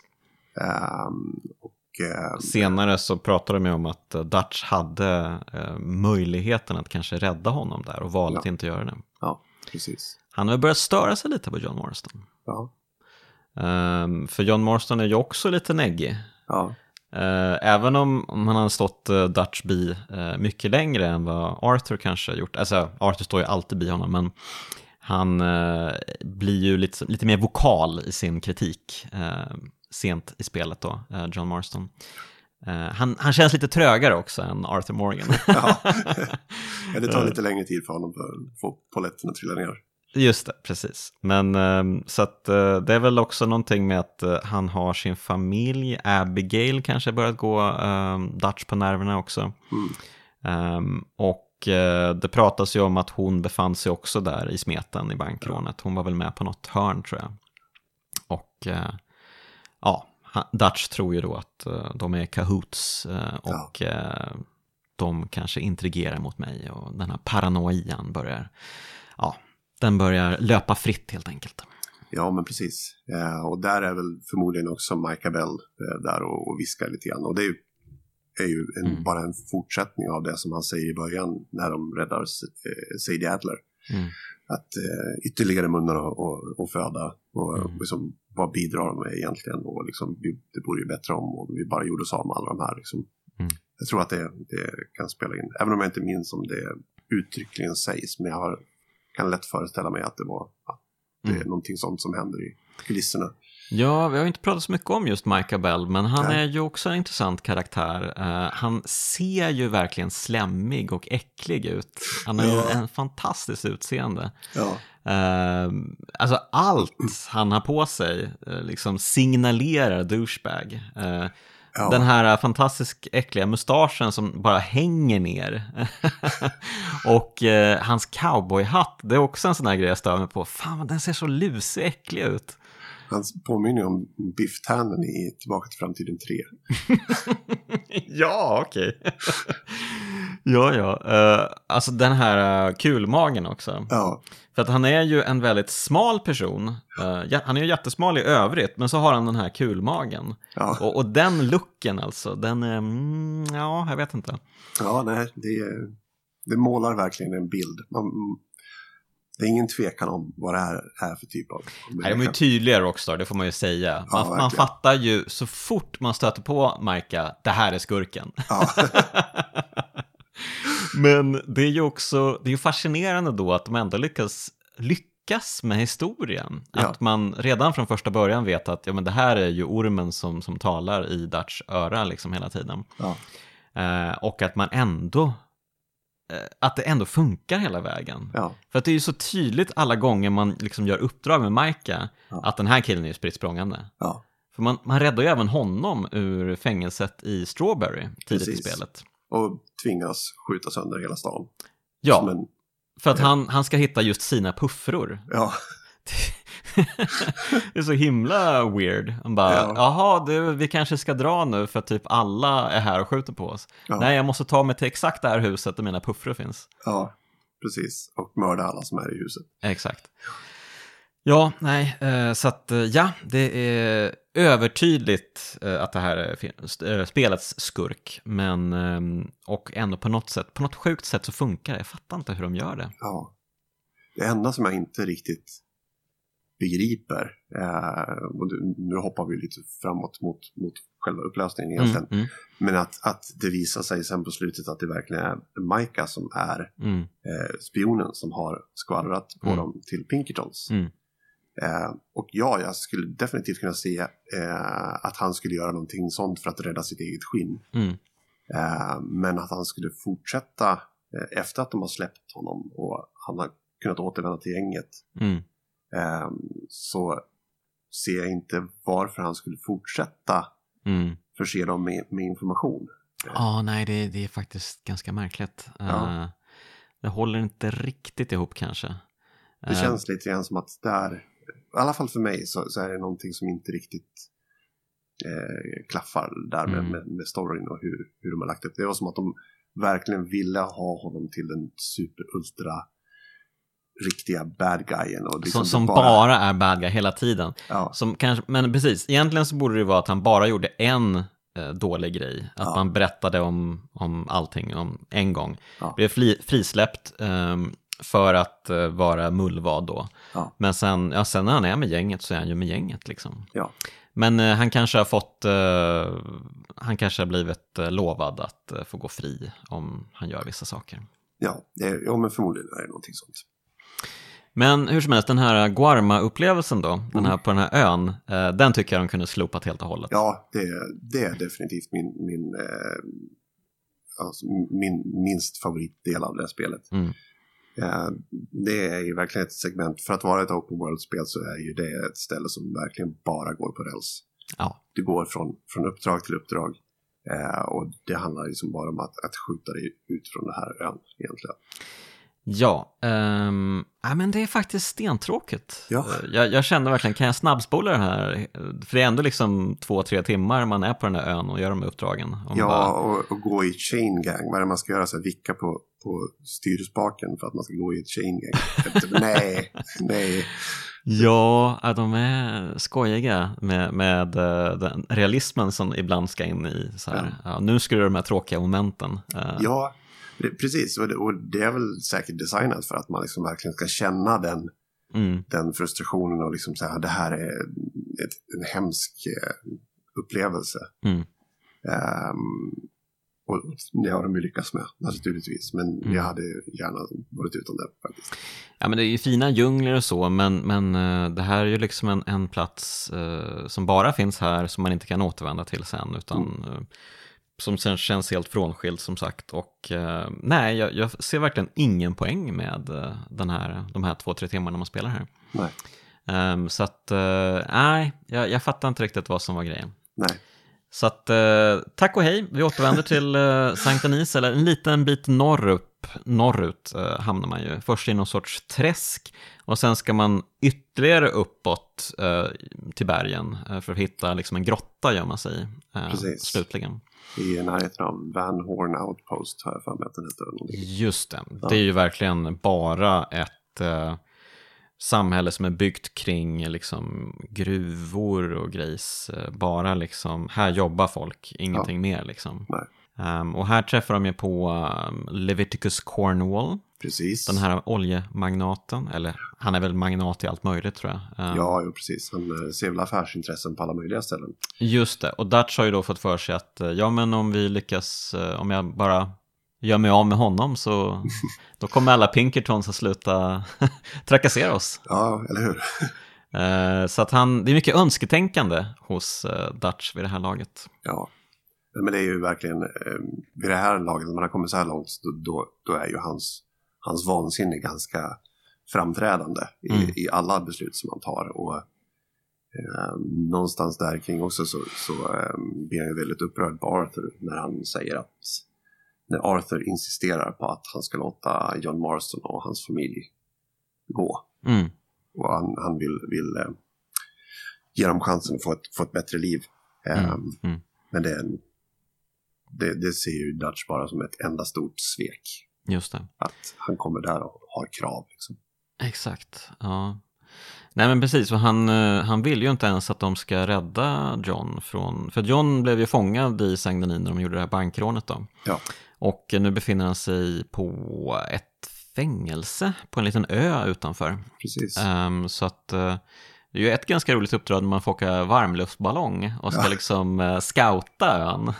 Ja, just det. Ja, det är ett av mina absoluta favoritögonblick i spelet. För att eh, det är ju Sadie Adler då som har, Mm. har eh, letat fram den här ballongfararen. Eh, Mm. och man, eh, eh, ja, man, man åker dit för att man ska åka upp med den och sen så, så, så säger, säger Arthur någonting. Ja, men ska, ska inte Sadie åka med? Eller någonting sånt. Mm. Och den här ballongfararen och säger nej, nej, herregud, liksom det, det delikata kvinnliga fysiken skulle aldrig klara av att, att resa upp i luften. Och i samma ögonblick så, så typ harklar hon sig eller spottar någon så här äh, tuggtobak eller någonting. Ja, just det. Så, här, perfekt tajmat från att han säger så här delikata kvinnliga eh, Mm. eh, essenserna skulle inte klara det. Hon bara så här, Vi kanske ska prata lite om henne, för att hon är ju en väldigt intressant karaktär ändå. ja, verkligen. Ehm, Hon, eh, vi pratade ju om henne i början, att hon blev räddad då Mm. i den här stugan uppe i bergen. Eh, hennes make blev ju skjuten av O'Driscolls, men eh, under spelets gång så blir hon ju allt mer eh, cowboylik, eh, allt mer manslik kanske. Mm. Ja. Hon, hon eh, försakar nästan helt eh, sin kvinnlighet, eller vad man ska kalla det. Ehm, och eh, hon, eh, ja men precis, tuggtobak och mycket svordomar och mycket skjutande. Ja. Och lite galen stundtals också. Jo, men hon är alltså, och det är det som är så fint med, med hennes karaktär också, att hon, hon har ju det här traumat som hon lever med. Mm. Hon är, är ju nästan helt och hållet uppslukad av att ta hämnd på de här O'Driscolls. Mm. Man får ju reda på det, att hon, hon har ju varit ute på, på eh, hämnduppdrag och, och haft ihjäl O'Driscolls till höger och vänster. Hon är ju Mm. som en one woman army eh, Ja. när det gäller att, att jaga rätt på dem och, och ha ihjäl dem. Mm.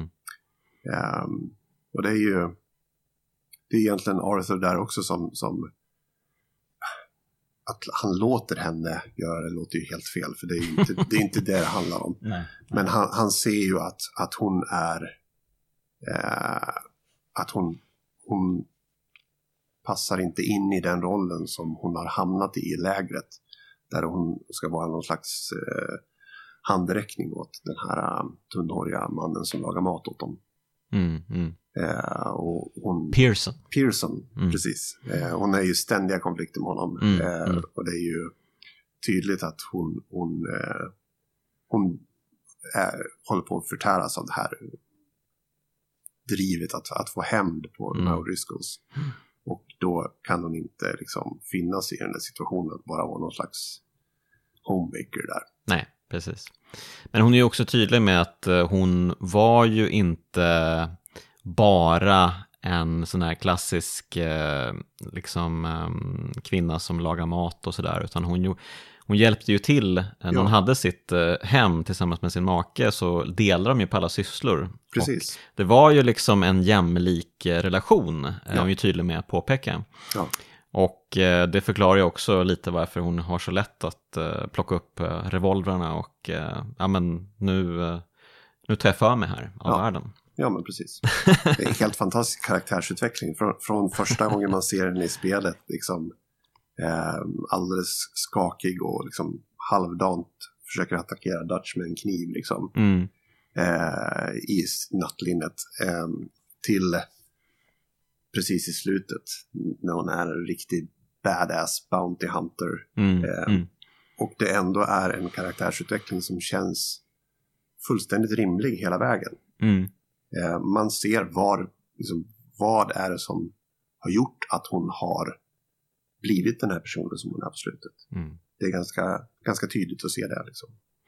Ja, och det är ju verkligen eh, ett, eh, vad ska man säga, ett, eh, det är det är just det här att det är så långsamt, att det tar så lång tid spelet som gör det så, ehm, som gör det så fantastiskt, eh, just den karak- alla, karaktärernas utveckling. Ja. Ehm, att det ändå blir, eh, att det känns så ehm, relevant och det känns så eh, effektfullt allting Ja, det, det, det gör verkligen någonting att spela eller liksom få den här upplevelsen under en så lång tid. Ja.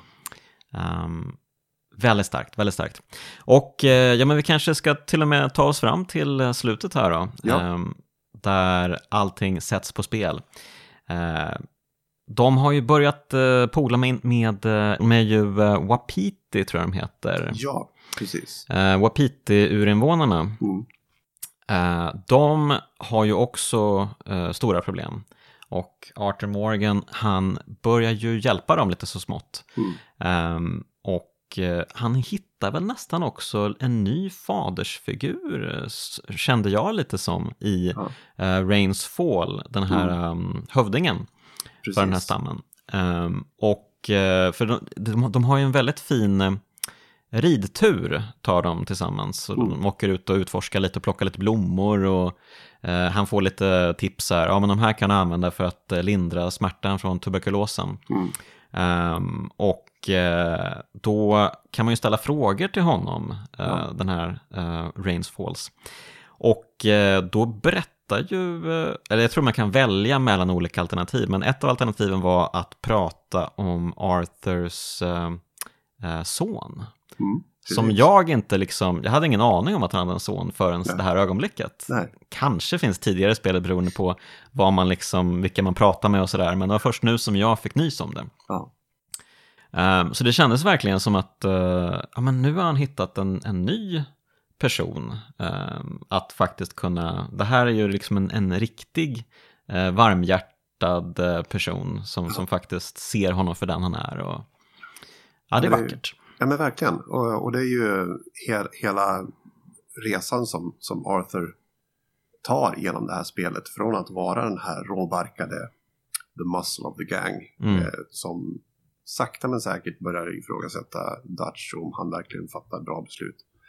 Som sen kulminerar i det här när han får sin diagnos och han vet att han är döende. Mm. Och att, att han då blir lite mer eh, introspektiv och börjar fundera över vilken typ av liv det är han har levt egentligen. Mm. Eh, och där funderar han ju mycket över liksom vad som hade kunnat vara med, eh, med den här Mary Linton och, liksom, ja, och hans, hans son Mm. eh, och alla de sakerna som han har gjort. Mm. Mm. Eh, Ja, sonen är ju död då kan man värt att säga också. Ja, Han berättar ju om att han kom hem och hittade eh, m- mamman till sonen och sonen. Mm. Eh, deras gravar eh, fanns ju då utanför huset Mm. som han hade fixat åt dem. Eh, Ja. De hade blivit dödade av några tjuvar eller någonting eller någonting sånt. Ja. Eh, det var väldigt oklart men det bara, ja okej, då, var Mm. det, då var det över, okej. ja. Det är också ett tecken på att han eh, vid något tillfälle så måste ju Arthur ha valt att eh, försöka starta en, en, en familj. Mm. Mm. eh, där. Och eh, det är ju inte uttalat, men om man ska bli lite konspiratoriskt lagd så var det Dutch och hans gäng på något sätt som var Oj, inblandade i det där. det, det hade ju varit extremt. det, det tror jag verkligen inte. Eh, Nej. Jag, jag tror inte att Dutch så tidigt var så galen. nej, nej, precis. Nej, det kanske Men, mycket, men- nej, ja, ja, men, men bara det att, för det, det känns ju ganska troligt att bor man i Mm. en stuga eh, ensam som kvinna med ett litet barn eh, ute Ja. på prärien, då, då är det ganska troligt att dåliga saker kommer hända liksom det är en i vilda västern. Mm. Definitivt. Ehm, så att, eh, ja, nej men jag tycker, och framförallt, jag gillar verkligen den här scenen när han upptäcker att han har tuberkulos på riktigt. Han har ju Mm. hostat lite under, eh, jag tror att det börjar eh, när han kommer tillbaka från Gorma lite grann, börjar hosta och de bara, ja hur är det? Ja men det, det är lugnt. Mm. Och sen när han rider in i Saint Ehm, tror jag för att prata med C.D. Adler om att rädda eh, John Marston, Mm. Eh, Då bara kollapsar han i ett hostanfall på gatan och så kommer det fram någon, eh, en random eh, person bara och bara oj, hur står det till? Du kanske bör gå till läkaren liksom. Ja. Eh, Och få lite hjälp att ta sig in där och sen så får han diagnosen. Alltså, Mm. det, är ju, det är ju väldigt uh, rätt fram scen, det händer inte så jättemycket. Men den- blir ändå väldigt speciell för mig. Det, det Ja. känns väldigt, eh, och nu, där får han liksom det på svart på vitt att okej, min resa kommer ta slut. Ja. Ehm, och eh, han har ju levt en tillvaro där eh, liksom allt, eh, han har ju varit inne i så många liksom eldstrider, hans liv hade kunnat ta slut när som helst. Mm. Men det är ju också en sån där eh, ehm, eh, nästan rysk roulette-känsla Ja. med livet hela tiden. Att ja, det finns fem tomma hylsor och en riktig. Och ja, nu, nu snurrar vi en, än en gång och Mm. ser hur det här går. Men med tuberkulosen så vet han ju att Ja. nu kommer faktiskt att ta slut på riktigt. Ja, exakt. Du har ju fortfarande eh, chansen i rysk roulette att, att klara dig den här gången också. Ja, Den här precis. gången är det precis. slutgiltigt. Men det är, ehm, man kan ju till exempel eh, träffa den här um, Thomas Downs änka en gång till uppe i Van Horn Training Post. Just det. Där hon eh, numera försörjer sig som prostituerad. Mm. Mm. Eh, och eh, då kan man ju välja att, att eh, eller jo, jag tror att man kan välja att göra det. Eh, ge henne pengar. Eh, Mm. Ge henne och hennes son pengar och ge dem en möjlighet att, att resa iväg och få ett annat liv någon annanstans. Mm. Vilket också är en, en, en sån här eh, ett tecken på att, att han eh, håller på att omvärdera sitt liv nu liksom på, Mm. eh, på slutet. Mm. Ja, men mycket, mycket handlar ju om att uh, making amends på slutet. Japp. Eh, han försöker ju verkligen hjälpa Wapiti-stammen. ehm, trots att Dutch saboterar Ja. eh, hans hjälp. Eh, för Dutch har ju också börjat lera sig med, med den här uh, hövdingens eh, son. Eh, nu har jag tappat hans namn tyvärr, men... Eh, Eagle Flies. Eagle Flies heter han. Och eh, han är ju en så här, lite klassisk då, hetlevrad eh, yngre ehm, krigare som Ja. vill liksom, han vill, han vill sluta prata, han vill agera. Ja. Och Dutch tycker jag, ser ju direkt en möjlighet här att, ja okej, men eh, vi hjälper de här killarna att eh, skapa värsta, liksom, att det blir ett nytt eh, stort eh, indiankrig liksom Ja. att regeringen tvingas eh, ehm, och Pinkerton-agenterna tvingas liksom fokusera på den här röran Ja. som skapats. Um, Dutch ser ju direkt, ja ah, då, då kan vi äntligen slippa all skit liksom. Precis. Eh. Men bara en stöt till också. Ännu ett luftslott, ja precis. Eh, så att, eh, och, och det här gör ju då Arthur jättearg såklart. Bara, sluta, sluta nu, allt du gör blir bara skit. Ja. Och nu har liksom, nu påverkar du de här stackars människorna också Ja. med dina konstiga planer. Ehm, så att det blir ytterligare en tågstöt. Fan många tågstötar det. Ja. Men eh, de är ju härliga får man ju säga. Det, det är något härligt med just en, eh, en, eh, en man hoppar på tågvagnarna och skjuter och ja, precis. det är väl egentligen de roligaste skjutsessionerna tycker jag. Men ja, till slut då så då blir det faktiskt uppror. Eh, Arthur Morgan säger nej till slut. Mm. Och då har ju även Dutch undlåtit att rädda John än en gång Ja. under den här stöten mot tåget. Eh, Han blev skadad eh, och föll av sin häst och Dutch sa jag rider efter och hjälper honom. Det gjorde han inte. Nej. Och eh, ja, det slutar väl med att de har en stor liksom ehm, eh, nej men det slutar ju med att Arthur åker ju och snackar med Pinkerton-agenterna som har kidnappat Abigail. Just Och det. då får de veta att det är Micah som är förrädaren. Precis, precis. Just det. För tidigare trodde man ju att det var den här Molly Mm. som var förrädaren. För att hon hade kommit till lägret stupfull och bara sagt att eh, jag förrådde dig. Ja. Fast hon snackar ju bara skit egentligen. Ja. Det, hon hade inte alls förrått. eh, Nej, precis. Hon är ju en väldigt stor red herring. När vi...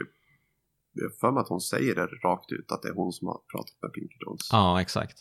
Men, Så det. men så är det ju inte. Det får man ju reda på då också, att, att de har ju försökt tvinga ur henne information, men hon har inte sagt ett pip. Och Molly är väl typ Dutch tjej? Fast det är väldigt Ja. svår relation där. Svårt att liksom komma underfund med hur det funkar riktigt. Ja, och det kan man ju också, det är också ett, ett man ser liksom hur de här karaktärerna utvecklas. Att, hon är ganska, hon försvarar honom väldigt mycket medan man är i Horseshoe Overlook, precis i Valentine där. Mm. Eh, hon blir mer och mer frustrerad, hon, hon eh, vill prata med honom. Och han har ju aldrig tid med henne. Mm. Och jag tror att man, han, han säger någonting om det också, att han har inte tid med kvinnobekymmer liksom. Mm. Eh, när man rider iväg med Dutch vid något tillfälle. Eh, Mm. och eh, hon blir ju uppenbart allt mer olycklig varje gång man ser henne. Eh, helt försummad av, av Dutch. Ja, och han pratar ju också mycket Dutch om en annan kvinna som Como Driscoll eh, dödade. Mm. Ja. Som var hans stora kärlek. Ja. Eh, så att hon kanske känner sig lite underlägsen här. Eh, att hon bara är någon, någon flusig som råkat eh, Ja, haka precis. på här. Ehm, Så att, eh, ja. Ja, just det, Como Driscoll, han får ju också sitt. Det är ju ganska kul uppdrag. eh, Ja. För att det är ju faktiskt så lite överraskande då att han har blivit tillfångatagen Ja. och ska hängas, ja, får de nys om. Ehm, och gänget, eh, eller Dutch, bestämmer sig för att eh, jag måste vara där för att se det hända. Eh, och framförallt se till att det ska hända. Mm. För självklart är ju O'Driscolls eh, män där och förbereder att frita honom precis under hängningen. Då får man, man tar, plockar den här äh, krypskytten som ligger på taket och Mm. så ser man Colmo Driscoll titta upp mot taket och tro att hans egen man ska stå där men i själva verket så är det Arthur som bara mm. ger honom en liten nonchalant vinkning bara. Just det. Ja, men det var faktiskt ett ögonblick som också eh, träffade mig. Eh, Mm. När, när han liksom inser, när man ser hans ögon att jaha, jag kommer dö. Ja, Oj då. ja verkligen. Mycket bra, mycket bra. Ehm, man har ju haft, uh, Arthur blivit kidnappad av Commodore Driscoll tidigare i spelet. Ja. Eh, det var också sådana här ögonblick som kändes lite apart nästan. Jag förstod inte riktigt vart de ville komma med det, för att han räddar ju sig själv i den situationen. Ja, Um, egentligen. Så att ehm, tanken var väl att, eller Commodore Driscoll tänkte använda Arthur som att locka dit Dutch till lägret och eh, ja se till jag att... kommer inte ihåg vad, vad, vad själva planen var där egentligen för att de hade ju de möttes ju nere på slätten. Ja, nej, det, var det, här var, det här var ytterligare ett ögonblick där jag kände, det här var inte helt logiskt ändå. Det här är Eh, för att, inte bästa planen där. nej men precis, för de har ju ett möte då, eh, de har fått nys om att Como Driscoll vill eh, liksom ha fred mellan gängen. Mm. Jaha, men då måste vi ändå, om det finns en chans till fred, då måste vi försöka ta den. Ja. Så då rider de iväg, Arthur ska liksom vara krypskytt, eller han ska se till att ifall det börjar liksom gå åt pipan det här, Mm. så har vi en man uppe på en klippa någonstans och kan Ja. ja. snipa eh, folk där nere. Så när Dutch och de rider fram för att snacka med Commodore Driscoll så sitter ju Arthur uppe på klippan och väntar, men så kommer det ett gäng skurkar och eh, knockar honom. Ja. Ehm, och planen var att norpa just Arthur verkar det ha varit. Ja, För att sen precis. använda honom då för att locka Dutch till deras läger. Men jag, men jag fattar inte varför han inte bara sköt honom där och då, för att de, de stod ju där liksom, mot varandra. Ja, jättemärkligt. Ja, precis. Eh, vill de göra sig av med, med Dutch så hade de kunnat ta Arthurs prickskyttegevär. Och skjuta. Ja. Ja, nej, det, det det är vissa grejer bara Ja. liksom, jaha, nu, nu, nu kom vi på en, liksom en kul grej, nu ska han få fly eh, naken utan vapen från Commodore Driscolls läger. Det blir en kul grej liksom gameplaymässigt, men den, den har inte så mycket logisk eh, förankring egentligen. Nej, och om, om det fanns någon, någon bättre tanke de hade där så tror jag att den gick mig förbi lite grann nu i min senaste spelomgång i alla Mm. fall. Så att, eh, ja. Ja, men han får vad han förtjänar i alla fall, Commodore Driscoll, och eh, det blir en stor shootout i den här grottan de har som nytt eh, gömställe uppe i bergen. Eh, för Pinkerton-agenterna kommer och eh, allt sätts på spel. Arthur har ju öppet deklarerat att eh, Micah är förrädaren, Mm. men Dutch vägrar inse fakta. Ja. Och det är ju, ja, det är ju ett fantastiskt eh, slut får jag säga. Ja. Berätta vad som händer. Jo, ehm, det är ju... När Pink- Pinkertons kommer så är det ju eh, Arthur och eh, John Marston som eh, flyr längre in i de här grottorna Mm. ehm, som de har tagit över. Eh, och hittar ut någon bakväg där. Eh, och försöker komma undan. Eh, Arthurs häst dör. Mm. Och eh, de tar sig upp på någon form av... Adam de tar sig upp på någon form av klippa och eh, eh, ja, skjuter på lite Pinkerton-agenter. Eh, John ehm, är ju skad, skadad eftersom eh, han blev ju skadad i det här tågrånet när han föll. Ehm, och eh, ehm, vad heter han? Dutch heter han. Eh, sa ju att han hade försökt rädda honom men det gjorde han inte. Mm. Så John kommer tillbaka där och, och konfronterar honom. Så, så att det är John och Arthur. Eh, det finns ett utbyte där där eh, Arthur ger John sin originalhatt Just det, just det. Mm. eh, och eh, skickar iväg honom. Eh, och ger honom sin, sin eh, axelväska också som innehåller lite värdesaker. Bland annat hans eh, journal som han har, han har ju eh, Mm. tecknat lite i den, eh, Precis. Arthur Morgan. Så Mm. jag tror att man har den journalen i eh, Red Dead Redemption 1. Okej. Ja. Um, så att det blir liksom som en grej, en, Ja. pass it on, ja, precis som hatten. då. Mm. Eh, och ehm, sen så är det ju, dyker ju Micah upp eh, och ehm, man eh, slåss mot, mot honom. Eh, och man är ju allt sämre skick. Dessutom för att man är ju sjuk i tuberkulos. Eh, Ja, läkaren sa ju till eh, Arthur att eh, ja, men åk till Kalifornien vet jag. Ja. Lite, bet- lite bättre väder så kanske det blir lite bättre också. ja, Han bara, du det är inte en chans här. jag kommer upp i bergen, det här kommer gå åt pipan. Ja, precis. Mm. Micah kallar honom för Black Lung som vanligt. Mm. Eh, och ehm, ja.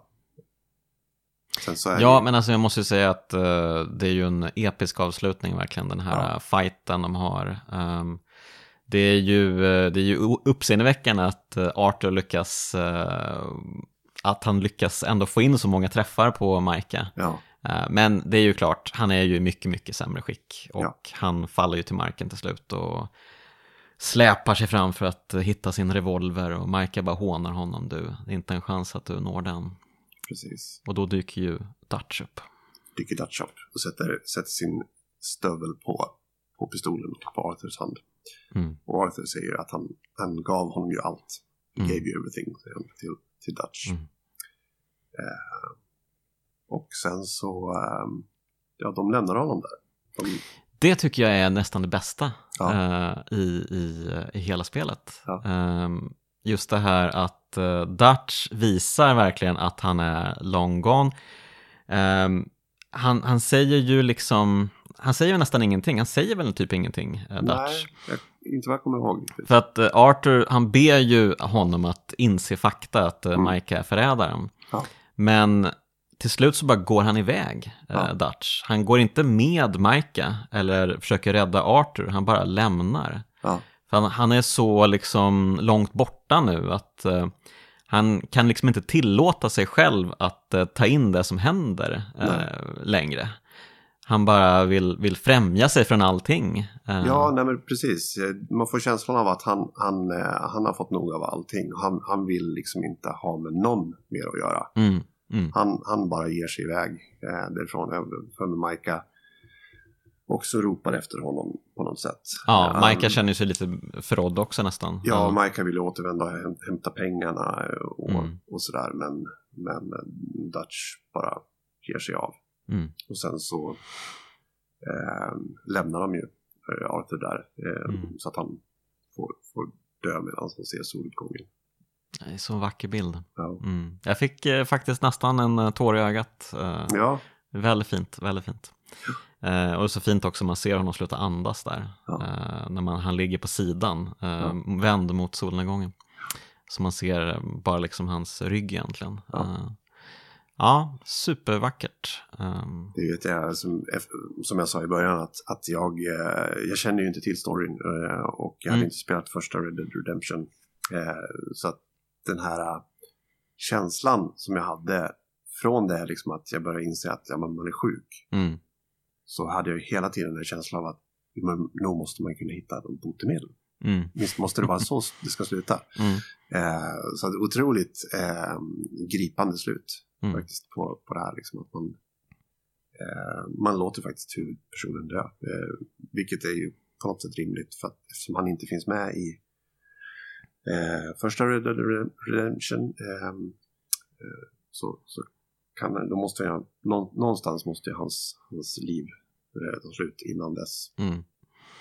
Ja, nej men eh, det är jättefint och eh, det är ju, det, det, det gör ju så mycket mer, alltså han har ju blivit en sån fin person också på slutet Mm. så att det, det gör ju extra ont i hjärtat. Ja.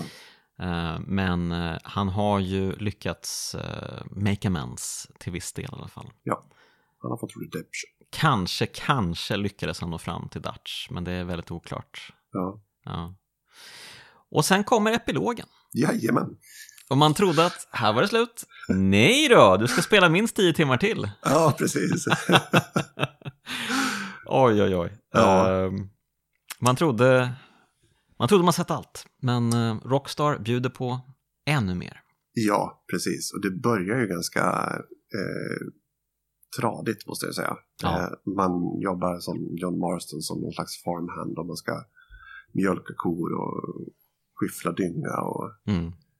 bygga staket och, och sådär. Mm. Eh, och det ges ju inte speciellt mycket utrymme till, till någonting annat än att bara följa nästa steg i, Mm. i de här uppdragen heller. Eh, där i början. Det är ju först när man lämnar den här farmen som man eh, har fått jobb på. Mm. Eh, och Abigail och Jack har, har, har dragit. Det är först då som man kan ta del av den här öppna världen och liksom börja utforska den lite grann som John Marston. Mm.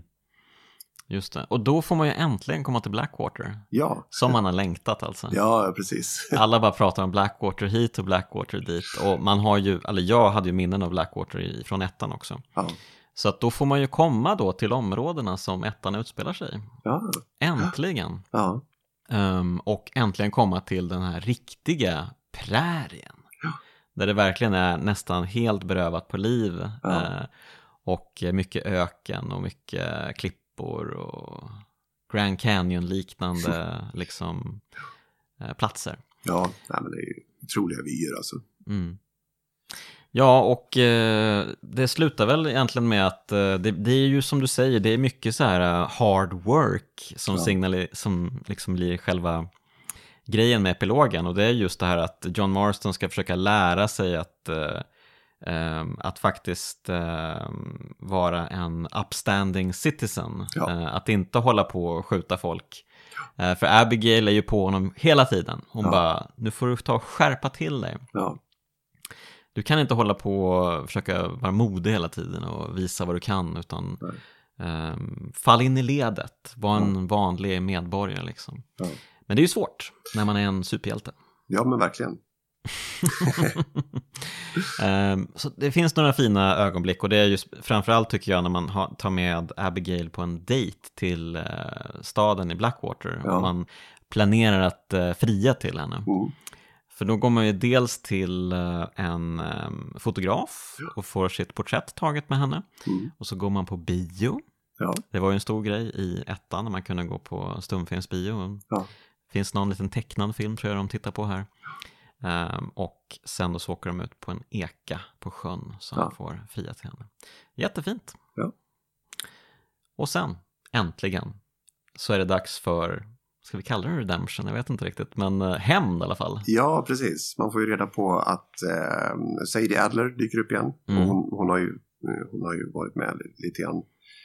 Man träffar ju på henne, man träffar på Charles och Uncle. Just det. Eh, Mm. Eh, flera karaktärer från gänget då. Ja. Och eh, Sadie dyker upp efter att man har varit på en rad uppdrag med henne, olika Bounty Huntings uppdrag. Eh, så eh, har hon fått reda på vart Micah Bell befinner sig. Mm. Och eh, Abigail vill ju eh, försöka hindra honom från det. Eh, men eh, hon inser väl även hon att det här är någonting som han behöver göra. Så att även om hon inte gillar det så, Just det, ett avslut liksom. Ja. Ett streck i sanden. Nu är det liksom klart allt det där. ja. Och eh, man återvänder ju i stort sett upp till samma typ av miljöer som man börjar spelet i. Det vill säga Mm. upp i djupsnö och eh, upp i Älskar, jag bergen. älskar eh, spel, eller alla liksom kulturupplevelser som har den här cirkelkompositionen. Jag vet inte Ja. varför, men det är så tilltalande för mig. Jo, men det, det ger ju någon form av avslut. Liksom. Mm, att mm, man är tillbaka där man började. Ja. Mm. Eh, så det, det är väldigt snyggt. Eh, Mm. och man, eh, det är en ganska eh, straightforward uppför berget. Eh, Skjut allt. Skjut allt. ja. Är otrolig mängd eh, folk de här skurkarna har i sina gäng. Alltså, ja, hur, hur många alltså. O'Driscolls kan det finnas? Liksom, i, Verkligen, det är helt sinnessjukt. och det är in- ingen skillnad här. Eh, han har ju samlat på sig en kopiös mängd eh, gubbar, den här Bell. Mm.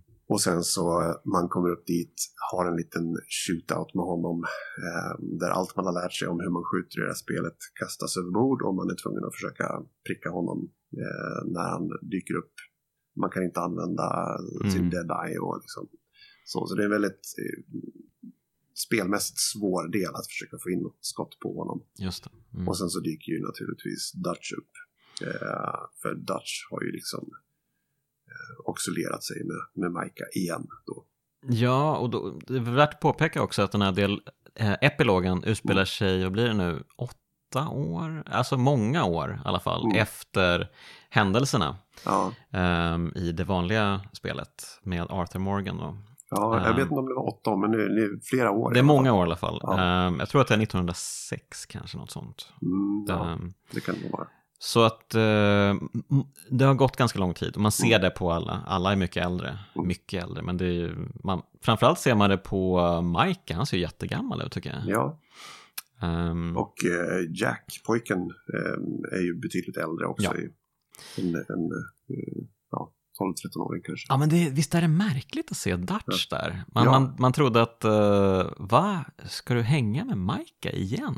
Vad är det som händer här? Ja, Makes no sense eh, Nej. för mig. Eh, men, men ja, det kanske, för att det som slu, eh, slutar, det som avslutar allting är ju att Dutch skjuter Micah. ja, Till Precis. slut så når John Marstons ord fram till honom. ja, Eh, och eh, det Arthur Morgan kanske påbörjade. Ja. Ehm, ja, så Micah blir nedskjuten och eh, Dutch säger ingenting. nej, precis. Och bara går förbi och försvinner. Precis som han gjorde eh, när Arthur dog. Precis, jag tror att... eh, Nu ska vi se... Ja, precis. Han säger väl till och med det, ehm, John Marston, för man, man eh, hoppar ju mellan uh, Micah som håller Sadie Adler gisslan Mm. och uh, Micah, det är ju en sån här mexican standoff, alla står Ja. och liksom siktar på varandra. Ja, Och då säger ju eh, John till eh, Dutch att eh, säg någonting då, say something Dutch, för han Ja. är ju tyst hela tiden. ja, Och då säger Dutch eh, I don't have anything more to say. Ja. Och han har ju alltid haft något att säga. Ehm, och det är ju ja, talande att eh, Verkligen. han har verkligen kommit till vägs ände. Ehm, han är bara ett, ett skal av en människa Ja. eh, egentligen. precis. Och eh, ja, sen försvinner han och eh, ja, man får ju lite så här glatt, glada slutscener. eh, Ja, precis. Och han har ju, eh, är det, det kanske till och med är guldet från Blackwater som de har Mm, i den här lilla det stugan där uppe på berget också som man eh, fyller sina sadelväskor. Mm. Eh, och eh, ja, får väl tillräckligt för att kunna betala av sin, sin gård Mm. eh, som man har eh, tagit banklån för att kunna bygga. Just det. Ja, precis. Och där tar ju spelet slut. Man får ju se lite, så, lite eftertextbilder eh, när alla de olika karaktärerna i spelet, de som Ja. fortfarande lever då, Ja, eh, vad som händer med dem. Eh, Charles eh, rider ju iväg till exempel. Eh, Ja. Han är klar. Han ska göra någonting annat. Mm. Och eh, Sadie Adler, hon försvinner också. Och Mm. eh, jag tror att man får se lite från de andra karaktärerna från gänget också, eh, vad de pysslar med. ja, Mary Beth har blivit författare till exempel. Det är också Mm. en, en, en grej som påbörjas redan tidigt om man pratar med henne i, i lägret om att hon tycker om att skriva sina små roliga historier. Mm. Eh, men det kan man ju se i, i eh, eftertexterna där att hon är ju författare och Mm. eh, Pearson har ju någon form av eh, eh, grosshandlarverksamhet. Mm, Ja, mm, mm. eh, han eh, har, har en egen butik. Just det. Eh, och Jag tror att den här liksom uh, skojaren, nu minns jag inte vad han heter heller, men, men han som verkligen är, eh, har, pratar med blommiga ord.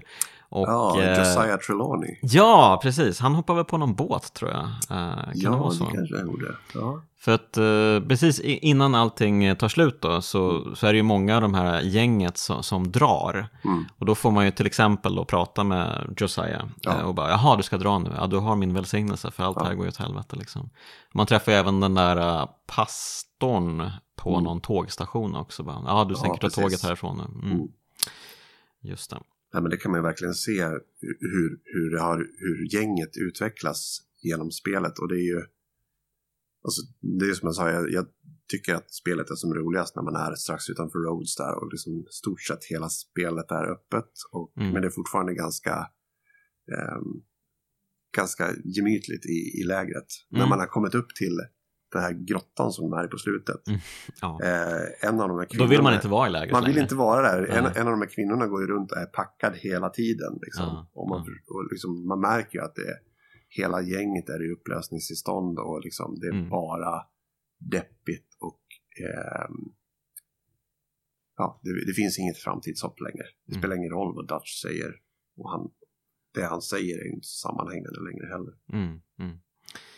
Nej men eh, som sagt mästerligt verkligen och eh, Verkligen. det, det är verkligen ett spel som eh, ja, men, eh, bara är härligt att befinna sig i också. Ja. Jag tänker specifikt just på Rhodes, det finns ju något underbart ögonblick när man rider omkring på natten utanför och så stöter man på ett gäng Ku Klux Klan-medlemmar som, Ja. som har liksom eh, som ska starta ett brinnande kors där och bara nu ska vi ha möte här och så är det någonting som går fruktansvärt fel för de tabbar sig och det är någon som liksom eh, blir uppbränd och alla bara springer och bara det är bara panik och kaos. Ja, ja men precis. Det är ju eh, sån känsla för detalj. Och även liksom så här lite så, eh, små roliga eh, saker som man kanske inte tycker passar in i, i det här västern-temat överhuvudtaget. Men det finns ju till exempel en vampyr i- Saint-Denis till exempel. Som Är det kan... sant? Har jag missat? Ja, Jaha. det finns eh, olika texter på, runt om, nästan som graffiti i staden. Mhm. Och om man har hittat alla dem så bildar de liksom en, en eh, skärpunkt över kartan.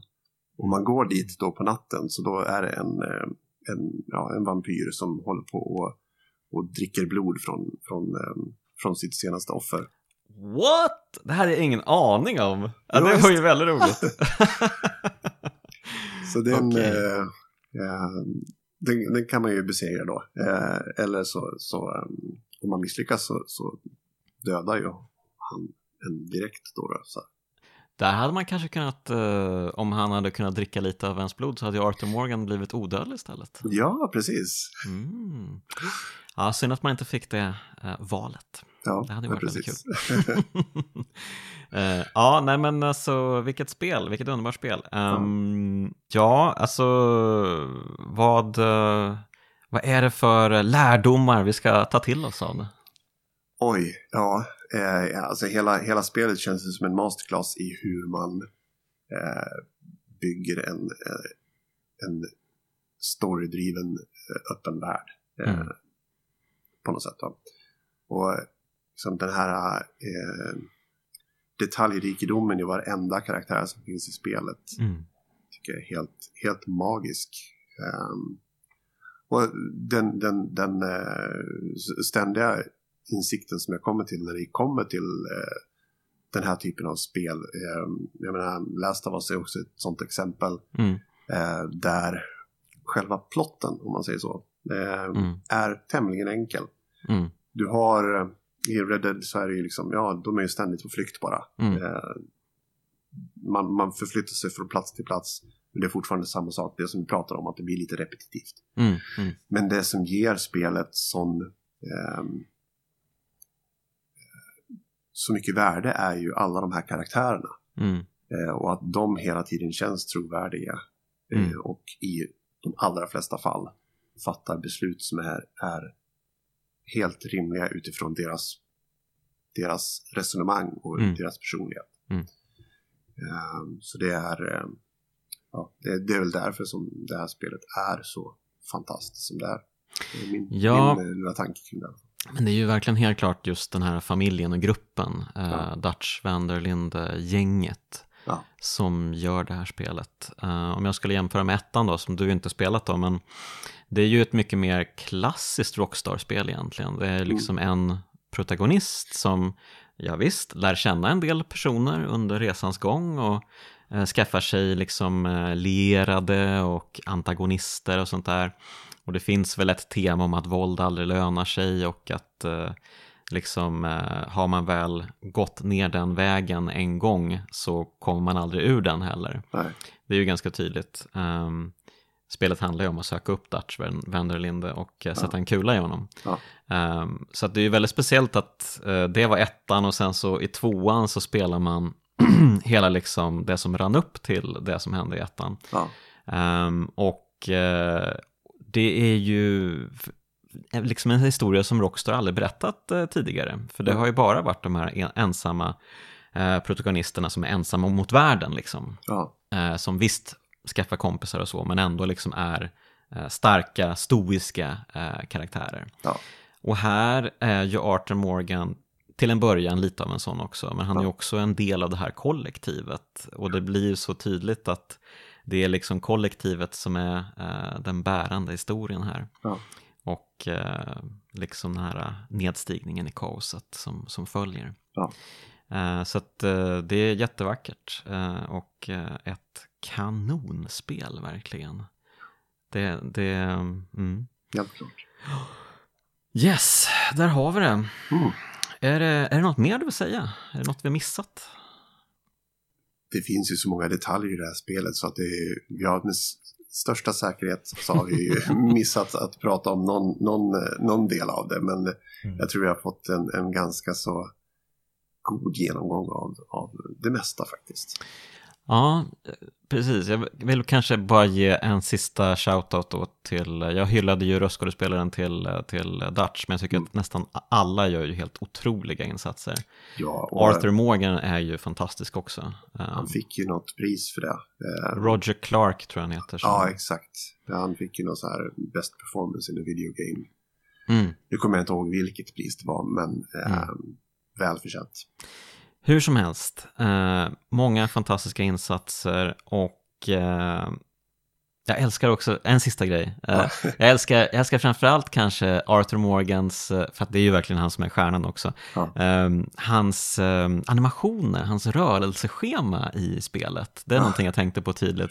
För att han går ju verkligen med så här stora kliv, så här riktiga manskliv hela tiden. Man är verkligen bara, yeah, stenhård. Ja. Och sen när det blir, eh, när det blir så här bakhåll och sånt, åh nej, nu kommer det Pinkertons eller någon sån där, då är det verkligen eh, som att eh, alla armar och lemmar flyger åt alla håll. Han, han blir nästan komisk i sina, i sina manöver för att när han kastar sig bakom skydd. Eh, så det, det, han har så många olika strängar på sin lyra ändå. Ja. Det, de har fångat honom, hela hans persona, hela hans karaktär så jävla bra. Ja, nej, men det är sinnet för detaljer i det här. Liksom, allting från hur han ser ut, hur han rör sig, allt eh, berättar ju samma historia om vem den här personen är. Mm. Så att det är ju, eh, ja, riktigt snyggt. Mm. Ja, men ett tydligt exempel på att det inte bara är manusförfattaren som, eh, eller manusförfattarna som ska hyllas för bygget Nej. av karaktärerna, utan det är ju verkligen. alla i teamet som verkligen har bidragit till Precis. att skapa den här fantastiska... Och det som jag sa tidigare, att, det är som, eh, att göra datorspel är ju ett, ett lagarbete.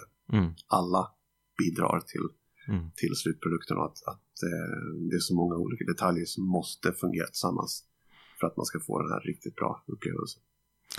Okej, i ett nötskal då, varför är det ett kraftspel?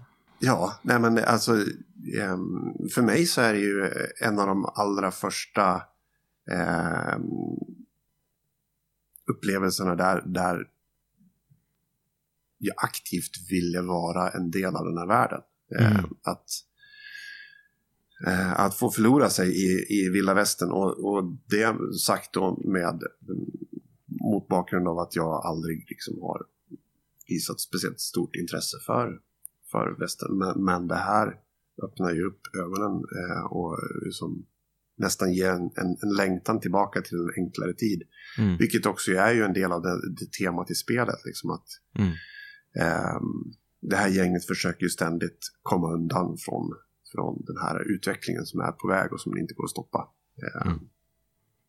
Så det är många eh, många saker som, som samverkar till att, till att göra det liksom till ett, ett av de bästa spelen genom tiderna.